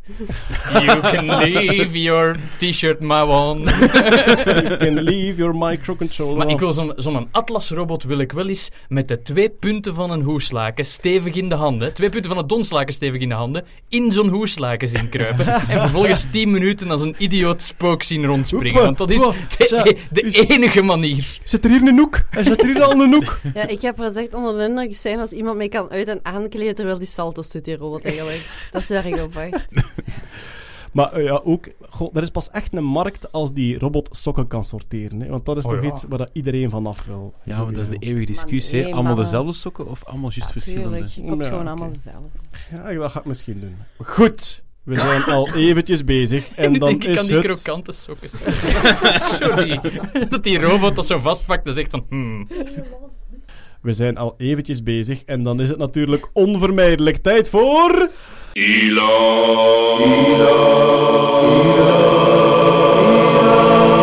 Musk News. Ja, en... Ja, bon. ehm, eh, we zitten hier natuurlijk met kamp Musk van en kamp Musk Skepsis. En Gouden Jeroen- Oké, ik, tijden. ik, ja, Jeroen, ik, ja. ik, denk dat, ik denk dat ik een heel klein beetje ben overlopen. Dat, dat gaat niet. Oh, Dat gaat niet. Moet- Dat is Dat is nee, met bloed getekend. als je, als je, als niet je, gokt op, een- als je gokt op een voetbalwedstrijd, kun je niet halverwege... Ah nee, ik ga het toch inzetten op de andere. Eh, Really? Team. Musk Skepsis heeft momenteel de wind een beetje in de zeilen, want hij doet een beetje raar. En nog geen klein beetje. Misschien omdat, Ligt het hij, aan zijn nieuw lief. misschien omdat hij een nieuw lief heeft. Hè? Ja. Dus, eh, Stik het maar op de vrouw. Dat is ja, voilà. Maar hij heeft een nieuw lief, Grimes. Grimes, een, een Een- Canadese elektronische, eh, alternatieve elektronica eh, zangeres Ah, slash ja. performance artist. Eh, en en eh, ze zijn, zijn ze openlijk gekomen op een of andere gala. Dus ze hebben het voor het eerst laten zien van, hé, hey, wij daten. En zij droeg een, een choker, een nauw aansluitende halsketting. Ja, dat heb ik moeten googlen. in het logo... Had je dan een pas voor? In het logo van Tesla. Dus dat is een hele gezonde relatie. Ja, Als dat uw eerste date Een soort is. metalen halsband Ja, en het logo van uw nieuw lief zijn Ja. bedrijf. Als Ja. te ver van de rode is- loper ging, dan, eh, dan gaf dat een schok. En dan, en dan plofte die zo, ja. Welke film is nu? Maar ze kennen elkaar door een hele nerdy joke te maken. Ehm, eh, Elon Musk had een geweldig nerdy joke gemaakt op Twitter. Ja. En ehm, hij had daarna gedacht van, tja, misschien heeft iemand anders die al gemaakt. En wat bleek, Grimes had die een paar jaar eerder al gemaakt. En zo zijn ze in contact geraakt. Dus iedereen die graag met een miljardair wil daten, moet proberen alle moppen te maken die Elon Musk in de toekomst op Twitter Ja, gaat of maken. iedereen die flauwe moppen maakt op Twitter. En ik denk dat er hier wel zo'n paar mensen zitten, lieve scheiden. Die moeten googelen. En als iemand die mop ooit al gemaakt heeft, dan moeten daarmee trouwen. Dat is de regel nu. Dat is een beetje de nerdy Tinder. Moppen maken op Twitter en hopen dat iemand die al eens gemaakt heeft. Nu, je kunt dat ook omgekeerd doen. Hè. Je kunt gewoon echt een, een topmodel zoeken en nu een mop maken die zij al gemaakt heeft. En dan gezegd, ah, we moeten trouwen. Het moet van Elon. Goed, eh, los van zijn relatie heeft hij nog raar gedaan op Twitter de laatste tijd. Maar, de- want ik denk zo heel, heel zijn rel met het uitschelden van economiejournalisten, waardoor dat daarna het Tesla-aandeel naar beneden ging en dan eh, zich verontschuldigen en zo. Dat was Ja. ook deze maand nog, hè? Dat was ook nog deze maand. Dat was met Warren Buffett, een bekende Amerikaanse ondernemer, industrieel, eh, ja, man met veel geld. Miljardair, ja. Miljardair. Eh, daar had hij een beetje ruzie mee gemaakt. En Warren Buffett had een economische term aan Musk uitgelegd. En, ter- en Musk was het niet akkoord met die economische term. Ik denk de moat, een of andere, ja, een soort van grachtgreppel eh, Ja, term de, van economie. De, moat is, is de, de slotgracht rond een burcht. En eh, Buffett gebruikt dat blijkbaar als een soort concurrentie, een soort on, onoverbrugbaar concurrentievoordeel ten opzichte van de anderen. En op een of andere manier is die discussie uitgemond in Musk die zegt: Ik ga een snoepfabriek opstarten. Ja, een, een van Buffett, wat dus ehm, Musk had gezegd, die moat dat is onzin en eh, ik doe er niet aan mee, ik geloof daar niet in, dat is saai. En Buffett had gezegd van ja, ik ben toch zeker dat het nog werkt, kijk maar naar mijn snoepfabriek. Ah ja. En toen was eh, Musk zo volwassen om te zeggen, ah, en wel, dan ga ik ook een snoepfabriek oprichten. Want zo, zo gaat kleuterruzie tussen Dat is miljardairs. echt gelijk die aflevering van Futurama waarin Bender zijn eigen theme park gaat maken met blackjack en hookers. You know what? Forget about the theme park. Ja, pijnlijk. Ja, bon. En dan maar- waren, er- waren er ook berichten van een, eh, een organisatie die eh, eh, ongevallen had vergeleken eh, in relatie tot fabrieken in het algemeen. Gebruiken eh, worden er in een Tesla-fabriek, zijn er 25% of zo meer ongevallen. Er is een bepaalde statistiek die volgens, dat, eh, volgens die journalistieke publicatie ehm, hoger ligt in de Tesla-fabriek. En daar had Musk op gereageerd met dit is fake nieuws en, en, en, en journalisten die zijn er alleen maar uit om, om mij te pakken. Dus ik ga een website oprichten waarin we journalisten een rating kunnen geven op, op waarachtigheid. En ik noem die site Pravda. Want het is 2018 en alle ironie is weg. Maar dus eh, hij, is, hij is kwaad op Buffett over een snoepfabriek, dus hij richt een Ja. snoepfabriek op. Hij is kwaad op journalisten omdat ze niet schrijven wat hij wil, dus hij gaat Ja, zijn Ja, eigen er is wel, er is wel als, als, als, als, als, ja. als enige hier nog die een beetje toch hoopt dat het Daar terug tre- goed komt met Musk. Daar Ehm, hij, heeft, hij, heeft, hij heeft wel gelijk in, vind ik dan, in de zin dat... De ehm, verslaggeving over Tesla. Ja, de verslaggeving van Tesla, Ja. twee dingen daarvan. Eén is dat, ja, er wordt heel hard gekeken, hoge bomen vangen veel wind, het principe. Hè. Als er een Tesla crasht, komt dat in alle persen, terwijl het er gigantisch veel andere auto's zijn die ook crashen. En het tweede waarop dat hem ehm, commentaar had gekregen en op ge- geantwoord heeft, is dat er een journalist was in zijn eh, raketfabriek, namelijk SpaceX, was op bezoek geweest en ehm, die wou een artikel schrijven en dat moest eerst nagelezen worden door eh, de board, dus eh, de, de directie of een aantal mensen van SpaceX zelf. En die journalist zei, dit is tegen de vrije meningsuiting en zie je wel gemanipuleerde pers.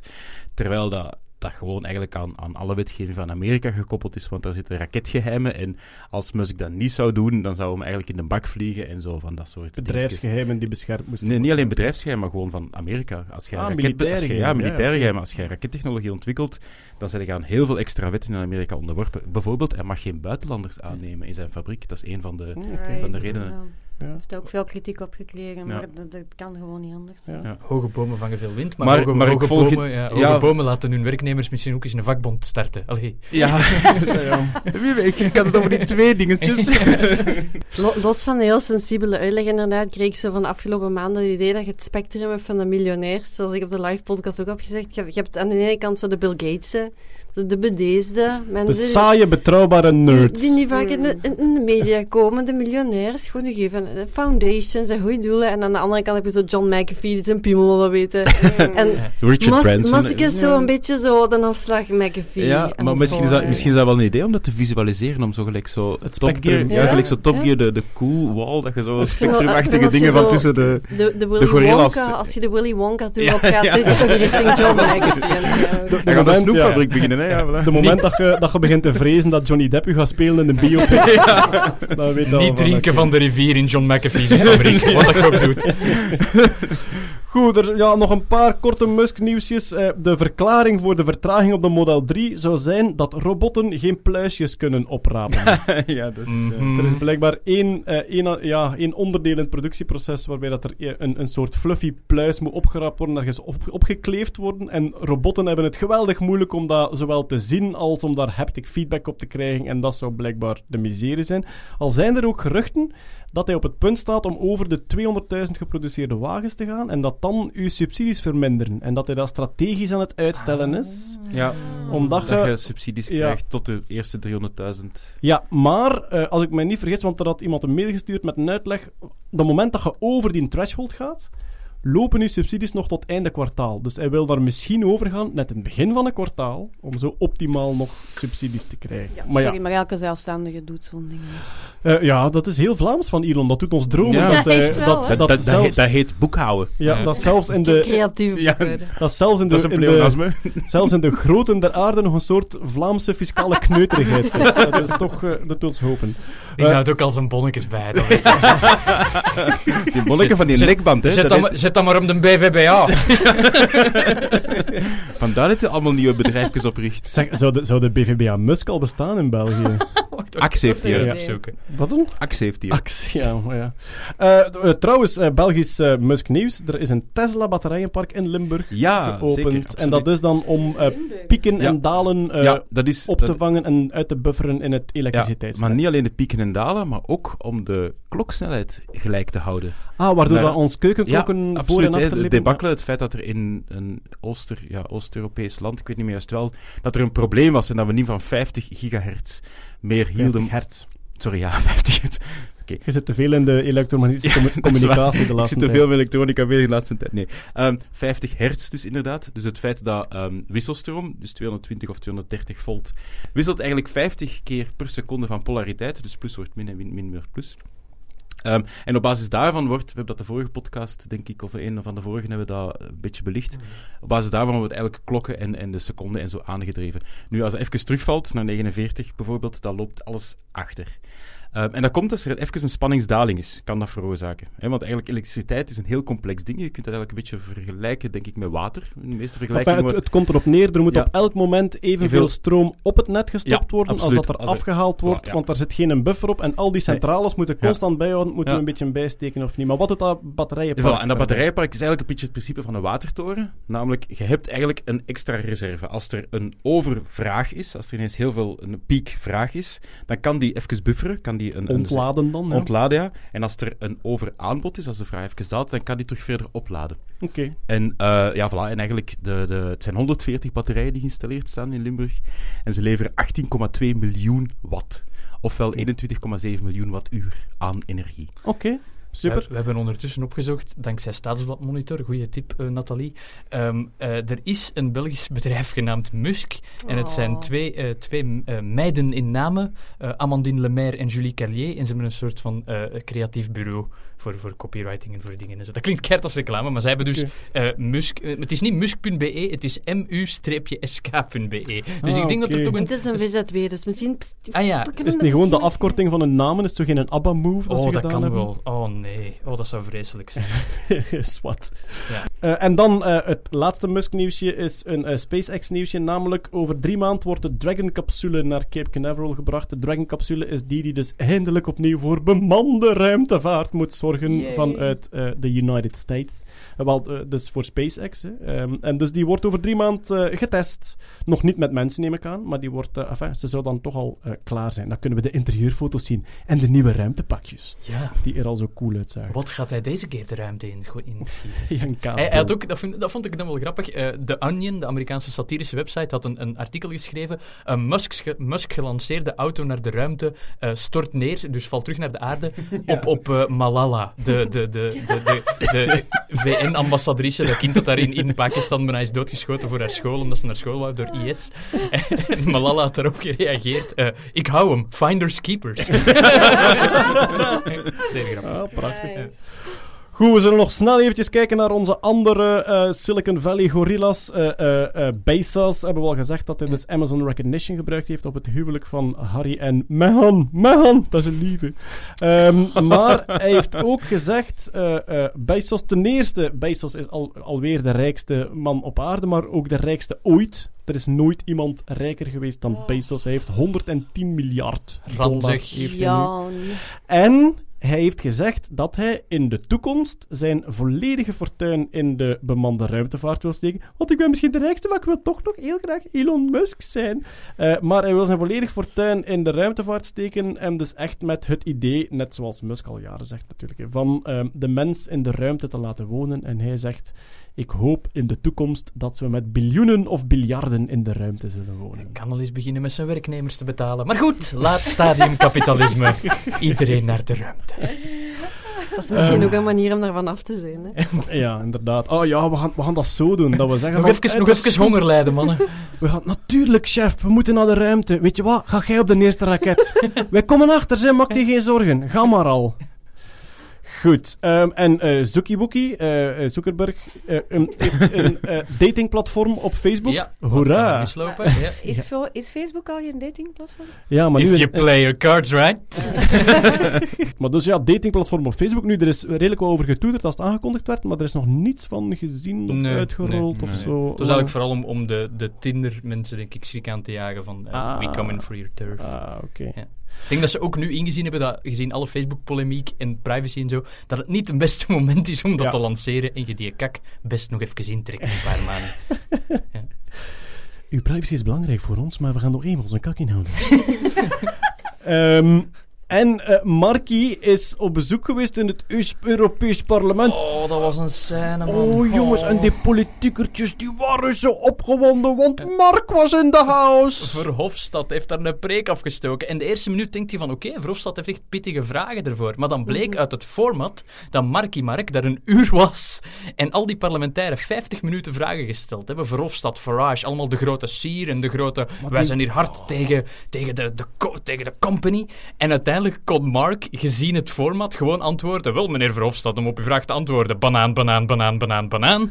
Eh, klaar. En dan moest hij op het vliegtuig naar Macron. Dus het was zo'n farce. Het was echt pijnlijk. Maar dat is echt, want goed, in, in die Amerikaanse hearing was al een beetje schrijnend, vooral omdat die politiekers totaal niet wisten wat... What is this thing called internet?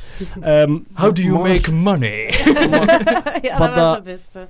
Wat ik eigenlijk een pak gênanter vond aan die Europese, was echt zo dat in beeld willen springen van die politiekers. Dat was Ja, echt zo van, ja. zie mij hier, Ja. zie mij hier ja. live Spreker der waarheid. vragen stellen aan Zuckerberg. En de meest gênante vertoning Ja. van al was een van die parlementairen die dan achteraf op de selfie gaat. Van, we, we- Zweedse eh ja, parlementair. we gaan u hier even het vuur aan de schenen leggen. Mark, mogen we wel op de selfie voordat we uw regels Ja. opleggen? Echt zo, oh, was, ja. En dan eh, Verhofstadt, ja, hij stelde pittige vragen. Dan Van Verhofstadt heeft echt goede vragen gesteld, maar het was puur een toneeltje. Hè. Ja, Verhofstadt, ja, de man die niet snapt hoe microfoons werken, want zijn volume is altijd 11.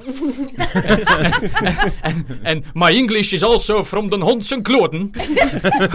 maar het was gewoon pijnlijk. Nu Ja. we moeten we wel zeggen aan vele van onze kritische luisteraars: wij hebben weinig mensen lessen te geven in eh, volume en microfoons. Maar we werken daaraan. We- Kurt, luider praten. Ah ja, Eh, oké. ja. Eh, we werken eraan. Komt allemaal goed. Oké, eh, dat was het Musk-nieuws. Goed, ander nieuws. Ehm, de Iridium flares, we hebben het er al eens over gehad in de podcast. Hè. Dus Iridium is een soort satelliet die door een antenne, die hebben grote vlakke antennes die eh, heel goed spiegelen. En daardoor kan je soms ehm, aan de lucht, als die satelliet overkomt en die reflecteert de zon ideaal, kan je hele heldere flitsen zien van een paar seconden in de nachthemel. Je hebt apps om dat op te zoeken. Je kan op heavensabove.com of op setflare eh, kan je opzoeken wanneer die passeren boven jou. En het is echt indrukwekkend om te zien. Maar SpaceX is volop bezig met de nieuwe generatie Iridium-satellieten te lanceren. Dus er komen nieuwe, krachtiger satellieten. En die gaan de oude vervangen en die doen die flitsen niet. Dus het wordt nu, eh, normaal eind 2018 zouden ze allemaal vervangen zijn. Er zijn er al vijf weg. Er zijn al vijf flitsende satellieten verdwenen. En het wordt de laatste zomer van de Iridium-flits. Dus mensen die nog nooit een Iridium-flits gezien hebben, zoek dat op. De app die, Ja. ik, de app die ik gebruik is eh, Sputnik, Sputnik, met, ja. met een uitroepteken. En dan krijg je alle passages van het ISS en van de Iridium-satellieten boven je hoofd. Ehm, en het is geweldig indrukwekkend om te zien. Hè. Het is, het is een heel heldere vallende ster eigenlijk.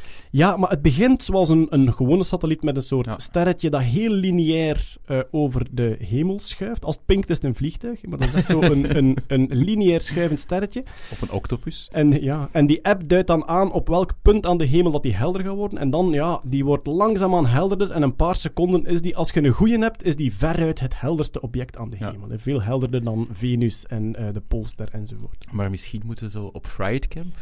Dat is trouwens ook een heel cool nerdfeestje. In Ja. augustus. 18 tot 20 augustus. Fright Camp, maar even als je het opzoekt, je schrijft het F-R-I-3-D, hè? Lead. Fright Zo Camp. nerdy. Ja, zo nerdy. Uit de weg, kids. en, en het komt niet van frietjes, het komt van het op, ah ja, opfryen van uw elektronica eigenlijk. eh, En kapot Camp, is het van Anthony zelf? Anthony Liekes is een beetje de baas daarvan. Ah, de, de, de, leading, de leading man was een heel team achter. Maar dat is het gigantische nerdfeestje. En twee jaar geleden hebben we daar ook Iridium Flare spotting Ja. gedaan.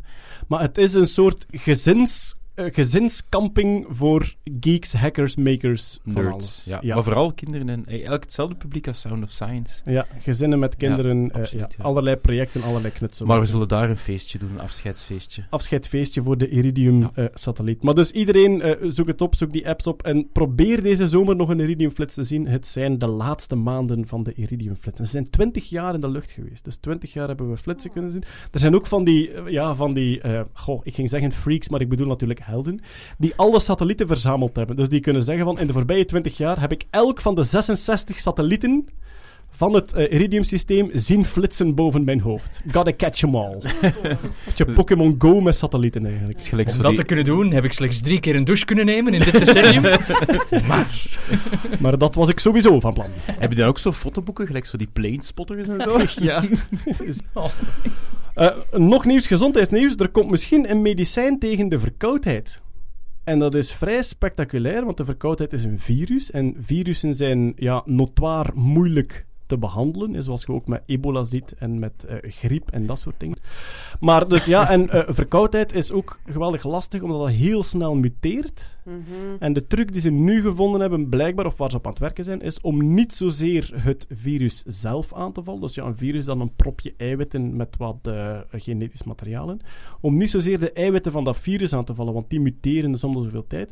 Maar ik dacht dat ze een mechanisme gevonden hadden waarbij ze ingrijpen op de geïnfecteerde cel en daar iets stilleggen, waardoor dat eh, virus zichzelf niet kan kopiëren in de cel. Cool.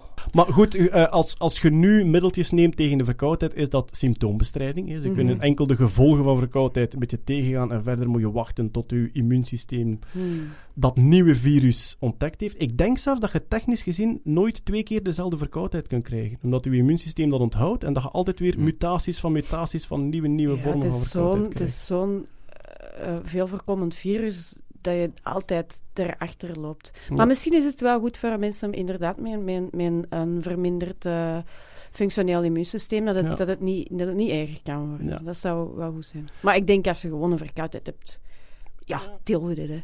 Ja, wel, maar goed, ik, ik, vond, ik vond het geweldig intrigerend hoe, dat, hoe moeilijk dat virussen te behandelen zijn. Ik was dan ook eh, zeer geïnteresseerd toen ik een tijdje terug eh, reclame zag ehm, eh, in een tijdschrift voor een nieuw griepmedicijn. Ik dacht van, een griepmedicijn? Wauw zeg, ik wil wel eens zien hoe dat biochemisch werkt. Mm. Maar bleek, het was oscillococcinum. No. En oscillococcinum zijn gewoon suikerbolletjes. Suikerbolletjes en ze, en ze beloven dat er een stukje eendenlever in zit, maar dat kan niet, want het heeft een, een, ver- een verdunning van 200k. Ja, het is Maar die moleculen herinneren zich dat. Ja, doordat Het je zit in het DNA van die moleculen. Homeopathische eh, mambo jumbo. En dus het enige wat overblijft zijn suikerbolletjes. En er staat op de bijsluiter van Oscillococcinum staat er letterlijk dat het niet werkt. Ze zijn verplicht door de Ja. Europese Unie. Maar de formulering is... Ik denk dat we het hier ooit al eens verteld hebben zelf. De formulering is... Dit middel werd niet getest op wetenschappelijke wijze. Bon. Dat was de juridisch sluitende eh, eh, ja, vertaling van het werkt niet. Ik weet wel dat ze er 32 miljoen euro per jaar mee verdienen. Ja, ze verdienen gigantisch veel. eh, eh, centen. 32 miljoen euro. Met het verkopen van Op suikerbolletjes. flessen shampoo staat ook altijd dermatologisch getest. En dan denk ik altijd van, ja, ik hoop dat je dat tenminste eens op huid getest hebt. Ja, dat lijkt mij een minimum. Op die shampoo staat ook prikt niet in de ogen en dat is ook een leugen. Jeroen. Inderdaad. Daar staat zelfs op, op de mijne staat 120% comfort. Ik zeg van, onmogelijk. ik ben aan het huilen in de douche, ik voel me niet gerevitaliseerd. daar, is- daar staat, daar staat zo'n lijn op waar je naar kunt bellen met klachten. En ik heb altijd, ik heb altijd zin om daar eens naar te bellen, al huilend. Ik voel me niet gerevitaliseerd. Mijn ogen pieken. Ja. Van in de douche dan, ja. De volgende keer dat je je shampoo open doet, gaat hij fluisteren. Uw privacy is belangrijk voor mij. Maar ik wil graag je haar verzorgen. Goed, eh, nog gezondheidsnieuws. Eh, Belgische wetenschappers zijn bezig met het ontwikkelen van een digitale neus. Het gaat hem over het bedrijf Mouse Sensor. En dus mouse en sensor aan elkaar geplakt is mouse sensor. Geniaal. Ja. Eh, waar het om gaat is, ehm, blijkbaar is de reuk eh, een van de moeilijkste zintuigen om te digitaliseren. Eh, We kunnen digitaal geluid opnemen, we kunnen digitaal foto's trekken enzovoort.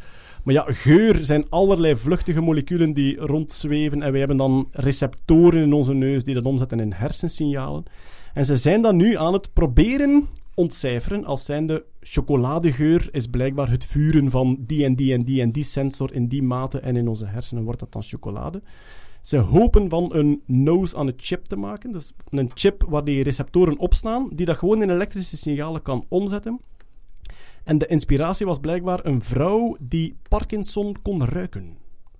Er was een, Ja, er was een vrouw en haar man werd gediagnosticeerd met Parkinson. En zij zei tegen die onderzoekers: Ik merk al een paar maanden een duidelijk andere geur. Dus blijkbaar heeft die vrouw een genetische mutatie waardoor zij receptoren heeft die voor een specifieke geur eh, eh, gevoelig zijn. Eh, ze hebben dat dan gelokaliseerd als zijnde: er is een soort rugzweet dat Parkinson-patiënten ontwikkelen met die specifieke geur. En ze hebben die vrouw ook getest, hè, want je kunt beweren wat je wilt. Ze hebben, ze- nee, ze hebben zes t-shirts van Parkinson-patiënten en zes t-shirts van een gezonde controlegroep aan haar gegeven. En ze heeft zeven t-shirts aangeduid als Parkinson. Namelijk de zes Parkinson-patiënten en één iemand uit de controlegroep. Die nog niet gediagnosticeerd Die drie maand later Parkinson Oh, gekregen heeft. Ja, Shit, man, dat is creepy. Die vrouw gaat naar een bejaarde thuis en die heeft zoiets van... Mannekes, mannekes, daar ruft hier. Zit er eens een er raam open? Maar, en dan zitten we ook, dus het, het ehm, elektronisch maken van die receptoren is nog niet mogelijk. Dus wat zijn ze aan het doen? Ze zijn muizen aan het kweken. En ze zijn die genetisch aan het aanpassen, zodanig dat ze menselijke geurreceptoren in hun neus groeien. Die gaan ze oogsten, op een chip zetten, omzetten in elektrische signalen. Gebeurt bij IMEC onder andere in Leuven. En dus het verre toekomstbeeld, en dat vind ik persoonlijk wel vrij indrukwekkend. Het verre toekomstbeeld is dat je gewoon een chip ergens hangt. En dat die, net zoals een fantastische speurhond, een volledige digitale inventaris maakt van alle soorten geuren die daar hangen. En stel dat je dan... Een scheetje laat? Ja, ook al. Maar stel dat je dan de singularity passeert, om het zo te zeggen. En dat Ah. ding wordt veel en veel beter dan een menselijke neus en zelfs dan een speurhondenneus. Dan ga je echt kunnen bij je thuis een sensor hangen die u waarschuwt voor alles wat, zowel ziektes die je kunt ruiken. Er zijn honden die kanker kunnen ruiken. Ja, er is, ik wou het je zeggen, er is, er is zelfs een hond die dat in een, in een, in een ziekenhuis, hij is, over, hij is een bejaardentehuis, en die ging eigenlijk bij het bed liggen van de, de mevrouw of de meneer die dat de dag erna dood ging. Dat was een zelfs. kat, ja. Of een kat, ja. Ja, een kat, ja. ja, inderdaad. Maar ehm, eh, bij, op de school bij mijn kinderen zit er een meisje met zware suikerziekte. En die heeft een hond die haar waarschuwt als haar suikerniveau slecht is. Dus dat is, ik ja. denk, Ja. een Portugese waterhond is, denk ik, die nu geur heeft getraind op het ruiken van verkeerde suikerspiegels. Ja, maar dat kunnen mensen ook. Allee, ik wil zeggen, ja, dat is zo. Hè. Dat- nee, nee, nee, maar dat is zo. Mensen die, die, die, eh, met, een hyp, met een hypoglycemie, die eh een adem ruikt naar appels. Ammoniak zeggen ze ook soms. Eh, Dat er een appels, soort- ammoniak, ja. it's, it's, it's all in al nose of. Ja. smeller, hè. Maar dus die heeft echt een hond bij haar. En dus die begint te blaffen als die verkeerde suiker heeft. Maar dus, als dat werkt, als je dat kunt effectief in een sensor steken en die nog eens hypergevoelig maken, dan denk ik wel dat er gigantisch veel mogelijkheden zijn. Ook voor het bederven van voedsel en dat soort dingen. Geweldig voor random nummers met te ge- genereren, denk ik. Dan kun je letterlijk zeggen van ik ga mijn mail ondertekenen, ik heb een goed random nummer nodig, scheetje laten. Digitale handtekening. Digitale handtekening. Insecten kunnen dat toch ook allemaal? Ik ging juist Ja. naar u gaan, Peter, want dat is... Maar, ehm, dus je hebt inderdaad... Je hebt vooral... ehm, het, ehm, allee, het, het voorbeeld dat me nu bin, te binnen schiet zijn die motten, die dan... De mannetjes hebben Ja. die gevederde ja, ja, ja, antennes. ja, ja. En die zijn meestal gevoelig voor één specifiek molecuul dat Ja, de of een, vrouwtjes of een mengeling van een paar moleculen, ja. En dat gaat tot op en ettelijke kilometers ver. Ja. Zo Maar het, het, het knappe is, ze gebruiken tegenwoordig honingbijen om explosieve drugs, Ja. eh, gas en, en gas. Hè? En ehm, onder andere ook bepaalde vormen van longkanker en TBC te kunnen Ja? Oké. Het grote voordeel aan die bijen is, het duurt 20 minuten om die te trainen. Een hond, een half jaar. Ah, wel, maar dat is, ja, ik heb, ik heb ooit dat filmpje gezien van in de luchthaven ehm, Ja, ja. hadden ze bijen getraind om explosieven te ruiken. Hoe doen ze dat? Ze steken een hele hoop bijen, die zitten echt vastgebonden Ja, in een alleen, harnasje. Alleen met het kopje naar buiten. Ja, het kopje en dan, naar buiten. Ja, en dan zetten ze die in zo'n cassetje en dan eh, doen ze de, de geur die ze willen testen. Pak nu bijvoorbeeld eh, cocaïne. Je gaat die geur erover blazen en op hetzelfde moment ga je, dat is echt Pavlov, hè, ga, je die, ga je die bijen suikerwater geven. Dus die steken hun tong uit. Je doet dat drie keer op een tijd van een half uur of een uur, pak nu. En als je dat dan de vierde keer doet, die geur komt en al die bijen steken automatisch hun tong uit. Dus dat is een echte Pavlov-reactie. Wat ga je dan doen? Dan ga je er 36... Ik dacht dat ze... Het is een soort... ehm, Een grote vierkante bak is ja, nee, het, is, het, het, lijkt op een kruimeldief. Het is draagbaar. Het- ja, het is een kruimeldief. Daar steken 36 bijen in. En boven elke bij zit zo'n klein detectorje. Dat gewoon kijkt of die bij die tong uitsteekt of niet. Je zet je dinges in die valies. En van het moment dat je een bepaald percentage van die dingetjes ehm, een hit krijgt, dan is het van, ah, oké, hier. Je zult maar een drugsmokkelaar zijn en ze stoppen zo'n zo'n zo'n kruimeldief in je valies en je hoort zo 36 bijen. je bent terugloed bij. Maar dus als je in een luchthaven komt in het buitenland en ze gaan met een kruimeldief over uw bagage, dan zitten daar 36 Ja, bijen in die al of niet een tongsken uitsteken. Ja, met met ehm, eh, opsporen van mijnen doen ze dat ook. Maar dan laten ze die bijen, dus die trainen ze dan op die specifieke springstoffen. Maar dan laten ze die bijen gewoon los en die gaan daar gewoon op die mijnen zitten. Dus waar je dan Allee. overal een hoop bijen ziet zitten, Ja. dan weten van, oké, daar, moeten we, daar moeten we die gaan uitgraven. ze, doen, ze hebben dat toch wel gedaan met vissen, volgens mij, om in water lijken te kunnen Ah, opsporen. ja, ja, met, ja, ja. met forel of ik weet het niet meer, die, die ze dan die geur lieten. En Ja. die waren er ook super goed in. Ja. Op dezelfde manier was de eerste telegeleide bom, die werd bestuurd door, Door die drie duif. duiven. Ah, ja, ja, dat is juist. Dat was Skinner, hè, ja. Skinner, Ja, die ja, typisch ja. duiven aan het trainen was. En dus binnen in die bom zaten drie duiven ook vastgebonden, met voor zich een schermpje. Volledig analoog, hè, want er was nog weinig of geen elektronica. Die kregen een schermpje, dus vooraan in de bom zat een lens. En die projecteerde het beeld dat de bom zag van de zee, want het was om boten te raken. Dus die zagen een beeld van de zee. En als er op die projectie ergens een boot kwam, hadden ze die duiven getraind om daarop te pikken. Ja. Maar als die duif aan het pikken was en het was niet op het centrum van het beeld, dan begon dat schermpje een beetje te kantelen. En die kanteling was verbonden met de stuurvinnen van die bom, waardoor dat die naar beneden begon te sturen, tot als die duif in het midden aan het pikken was. En zo, en dat was een heel succesvol super project. accu- accuraat Ze waren geweldig goed, maar de militaire dienst heeft het afgevoerd omdat ze dachten dat ze zich belachelijk gingen maken Mhm. als ze met duiven boten gingen bestoken. Pijnlijk Dus, detail, dat waren drie vredesduiven. Eh, Olijftakjes. ja, na, na de vredesduif, nu ook de bomduif. Ik vond onze reactie daarnet wel supergoed. We hebben het hier over zo eh, digitale neuzen. Stefanie haar antwoord, mensen kunnen dat ook. Dan Peter, insecten kunnen dat ook. Ik, ik was aan het wachten op mus kan dat ook eigenlijk. Ja. maar dus de digitale neus eh, wordt ontwikkeld door eh, Charlotte Dulst eh, en eh Ja. Mouse Sensor. Eh, verder, er is een nieuw eh, Rubik's Cube record. We hadden er vorige keer eentje van de robots. 0,38 seconden voor het oplossen van een Rubik's Cube. Maar er is ook een nieuw menselijk Rubik's Cube record. Het is de recordhouder van de vorige keer. Felix Zemdex heeft zijn record scherp gesteld. 4,22 seconden. Hallo. Ik geloof niet dat dat een mens is. ja, voilà. Je moet er naartoe gaan en zeggen, freeze all motor functions. En hoe oud is die man? Eh, die is- 22 jaar. Ja, Oh. het is een Australiër en het was op een charity event. Daar heeft hij zijn record eh, gebroken. Maar hoe zelfs? Ja, eh, door heel snel te zijn, hè. Ehm, Het geheim. ja. Hoe doe je toch Usain Bolt? Ja, ik ben gewoon snel.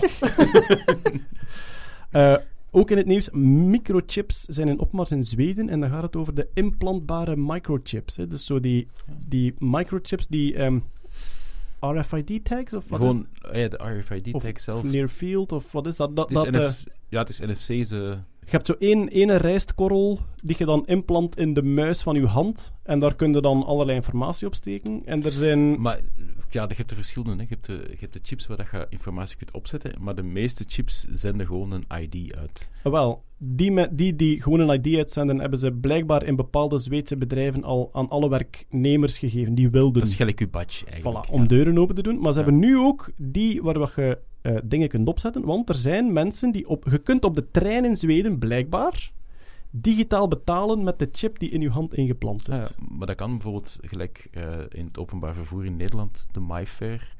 MyFair 2 denk ik dat dat zelfs is. Dat is een technologie waarbij dat je kunt schrijven en lezen naar zo'n kaart. En je hebt x aantal eh, cellen dat je kunt naar schrijven en waarschijnlijk zit het dan in die chip Ja. ook. Maar Zweden is blijkbaar zeer vooruitstrevend, want ehm, in Zweden was er op een bepaald moment een probleem bij bedelaars, omdat niemand nog cash geld op zak had. En we zaten er mensen effectief te bedelen met een QR-code voor zich. Dus eh, eh, ik heb honger, ik heb vijf kinderen, hier is mijn QR-code. En konden langskomen en dan met je telefoon echt scannen en betalen. Bitcoins dan. Eh, nee, nee digitale centjes. Kijk, veel toeristen dat dan denken dat ze daar zo'n bedelaar mee kopen. Biep. Ja. Eh, wat Ja. hebben we nog staan? Ja, eh, Peter, er zijn eh, springspinnen getraind. Of nee, er zijn springspinnen bestudeerd om piepkleine springende robotjes te bouwen. Op Ja. het model van hun Ja. sprongetjes. Ja, en ze hebben die Kim genoemd. De spin. De spin. Of de Kim. robot. Nee, nee, nee, de spin. Ehm, ehm, in werkelijkheid hebben ze er vier gebruikt, maar er was er maar eentje die op commando wilde springen. En de bedoeling was dat je ging kijken wat, ehm, wat de beweging van de ledematen is als zo'n spin springt. Ofwel naar boven, ofwel naar onder, ofwel op gelijke hoogte. De hele biodynamica De hele biodynamica, de spin. ja. naar beneden vijf lichaamslengtes, op gelijke hoogte vier en omhoog drie. En ze willen dan robotjes bouwen die hetzelfde kunnen. Dat hebben ze al gedaan. Ze hebben een, om- ongeveer op dezelfde, want dat beest is maar anderhalve centimeter groot. En ehm, ze hebben dus blijkbaar zo een springend robotje gemaakt dat ongeveer dezelfde beweging kan maken. Oké. Wat dat mij vooral opviel, hè, en ik ga iedereen opzoeken om het gewoon, eh, iedereen vragen om het gewoon op te zoeken. Het is Jumping Spider in het Engels, eh, denk ik. Trained Jumping Spider. Trained Jumping Spider Robot. Het filmpje is Ja. fantastisch Ja, gemaakt. Het is een toonvoorbeeld van wetenschapscommunicatie. Ze hebben de kern van hun onderzoek heel schoon gevat in dat filmpje, maar de beelden, de slow-mo beelden van die springende spinnen zijn fantastisch. Dus eigenlijk hebben ze twee dingen gedaan. Ze hebben eerst een CT-scan van die spinnen gemaakt om, om dan heel in detail al die verschillende ledematen in, in beeld te kunnen brengen. En dan met een high-speed camera, eh, dus heel, heel mooi beeld voor beeld, eh, die beweging van die spin, ja, voilà. Ja. De beweging van die spin, hoe die dat... Dus die steekt altijd haar twee voorste pootjes uit. En wat ze dan ook zien, is dat ze altijd een lifeline maakt. Dat is juist, Ja, die, dus die, hangt, die hangt een klein draadje ja, vast ja, waar dus ze die lijmt eerst een stukje eh, spinnendraad vast voor ze springt. Als ze mist, dan heeft Ja, ze een ja, draadje ja, hangen. ja, Fantastisch. Ja, En verder waren er ook eh, sluipwespen Oh ja, ja. Die, ja. die het speeksel van de rupsen die ze besmetten veranderen of ja, zo. dus je weet hoe de sluipwespen werken. Hè? Dus die leggen een ei in een ander insect en je wordt dan heel langzaamaan levend van binnen uitgevreten. Ja, dus wel internet over een rups is eigenlijk een maag op poten en Ja, iemand maakt dan gebruik van de inhoud van die maag, terwijl ze Ja. verder leeft. Ja. Ja, ja. En ehm, nu is het zo, dat, maar dat wisten ze al. Ehm, het, probleem is, het probleem is, als je zo'n ei legt in zo'n dier, ook een rups heeft een immuniteitssysteem en die gaat zichzelf verdedigen tegen vreemde indringers. Dan worden die eieren meestal ingekapseld en heel veel van die, van, die, van die eitjes die sterven.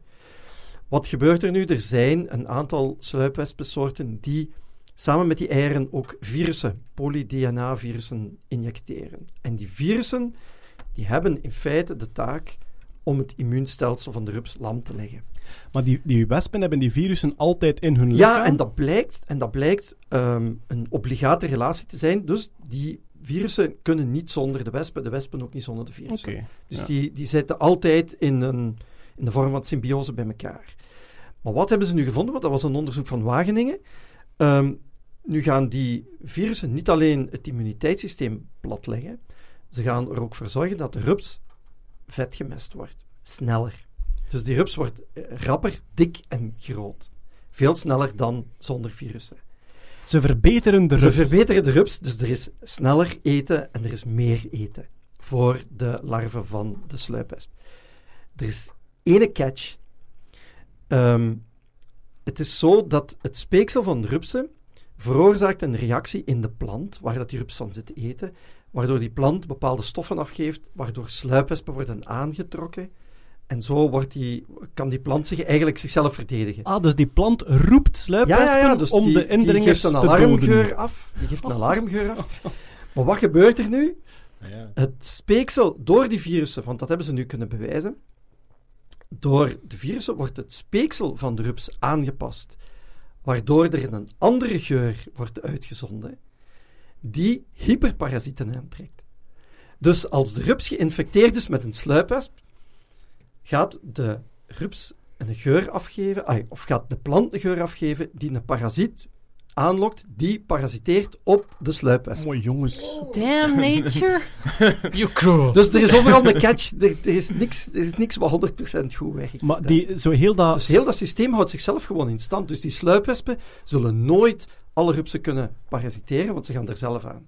Want als er te veel geparasiteerd Ah, ja. zijn, dan roept die plant, jongens, hyperparasieten, kom Ja, hier. ja.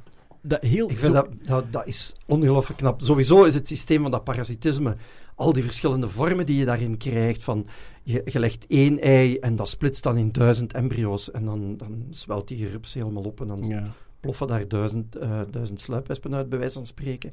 Of je hebt eh, eh, superparasieten, dus dat, dat de één sluipwesp een ei legt en dat er dan nog een andere bij komt. Ja. En dan, maar hyperparasitisme is, is, is ongelooflijk knap, maar dat zijn Maar dat is heel, beesten. heel, dat, heel dat spy versus spy gedoe van, eh, ja, als jij dat doet, doe ik dat, dan roep ik de din. Het is echt zo, het is zo Game of Thrones in het kleine. Ja, ja, Zo- absoluut. En we hadden daar vroeger eh, hyperparasieten, dat was de, de scourge of de, of de insectenkweek. Hè. Dus ik, ik heb eh, jaren in een bedrijf gewerkt waar wij sluipwespen kweekten. Dus, en dat was echt zo heel strikt, dat je als supervisor een heel strikte volgorde had van waar dat je mag komen. Dus je, bijvoorbeeld, eh, je hebt bonen, een, een, een, klimaatkamer waar je bonen kweekt.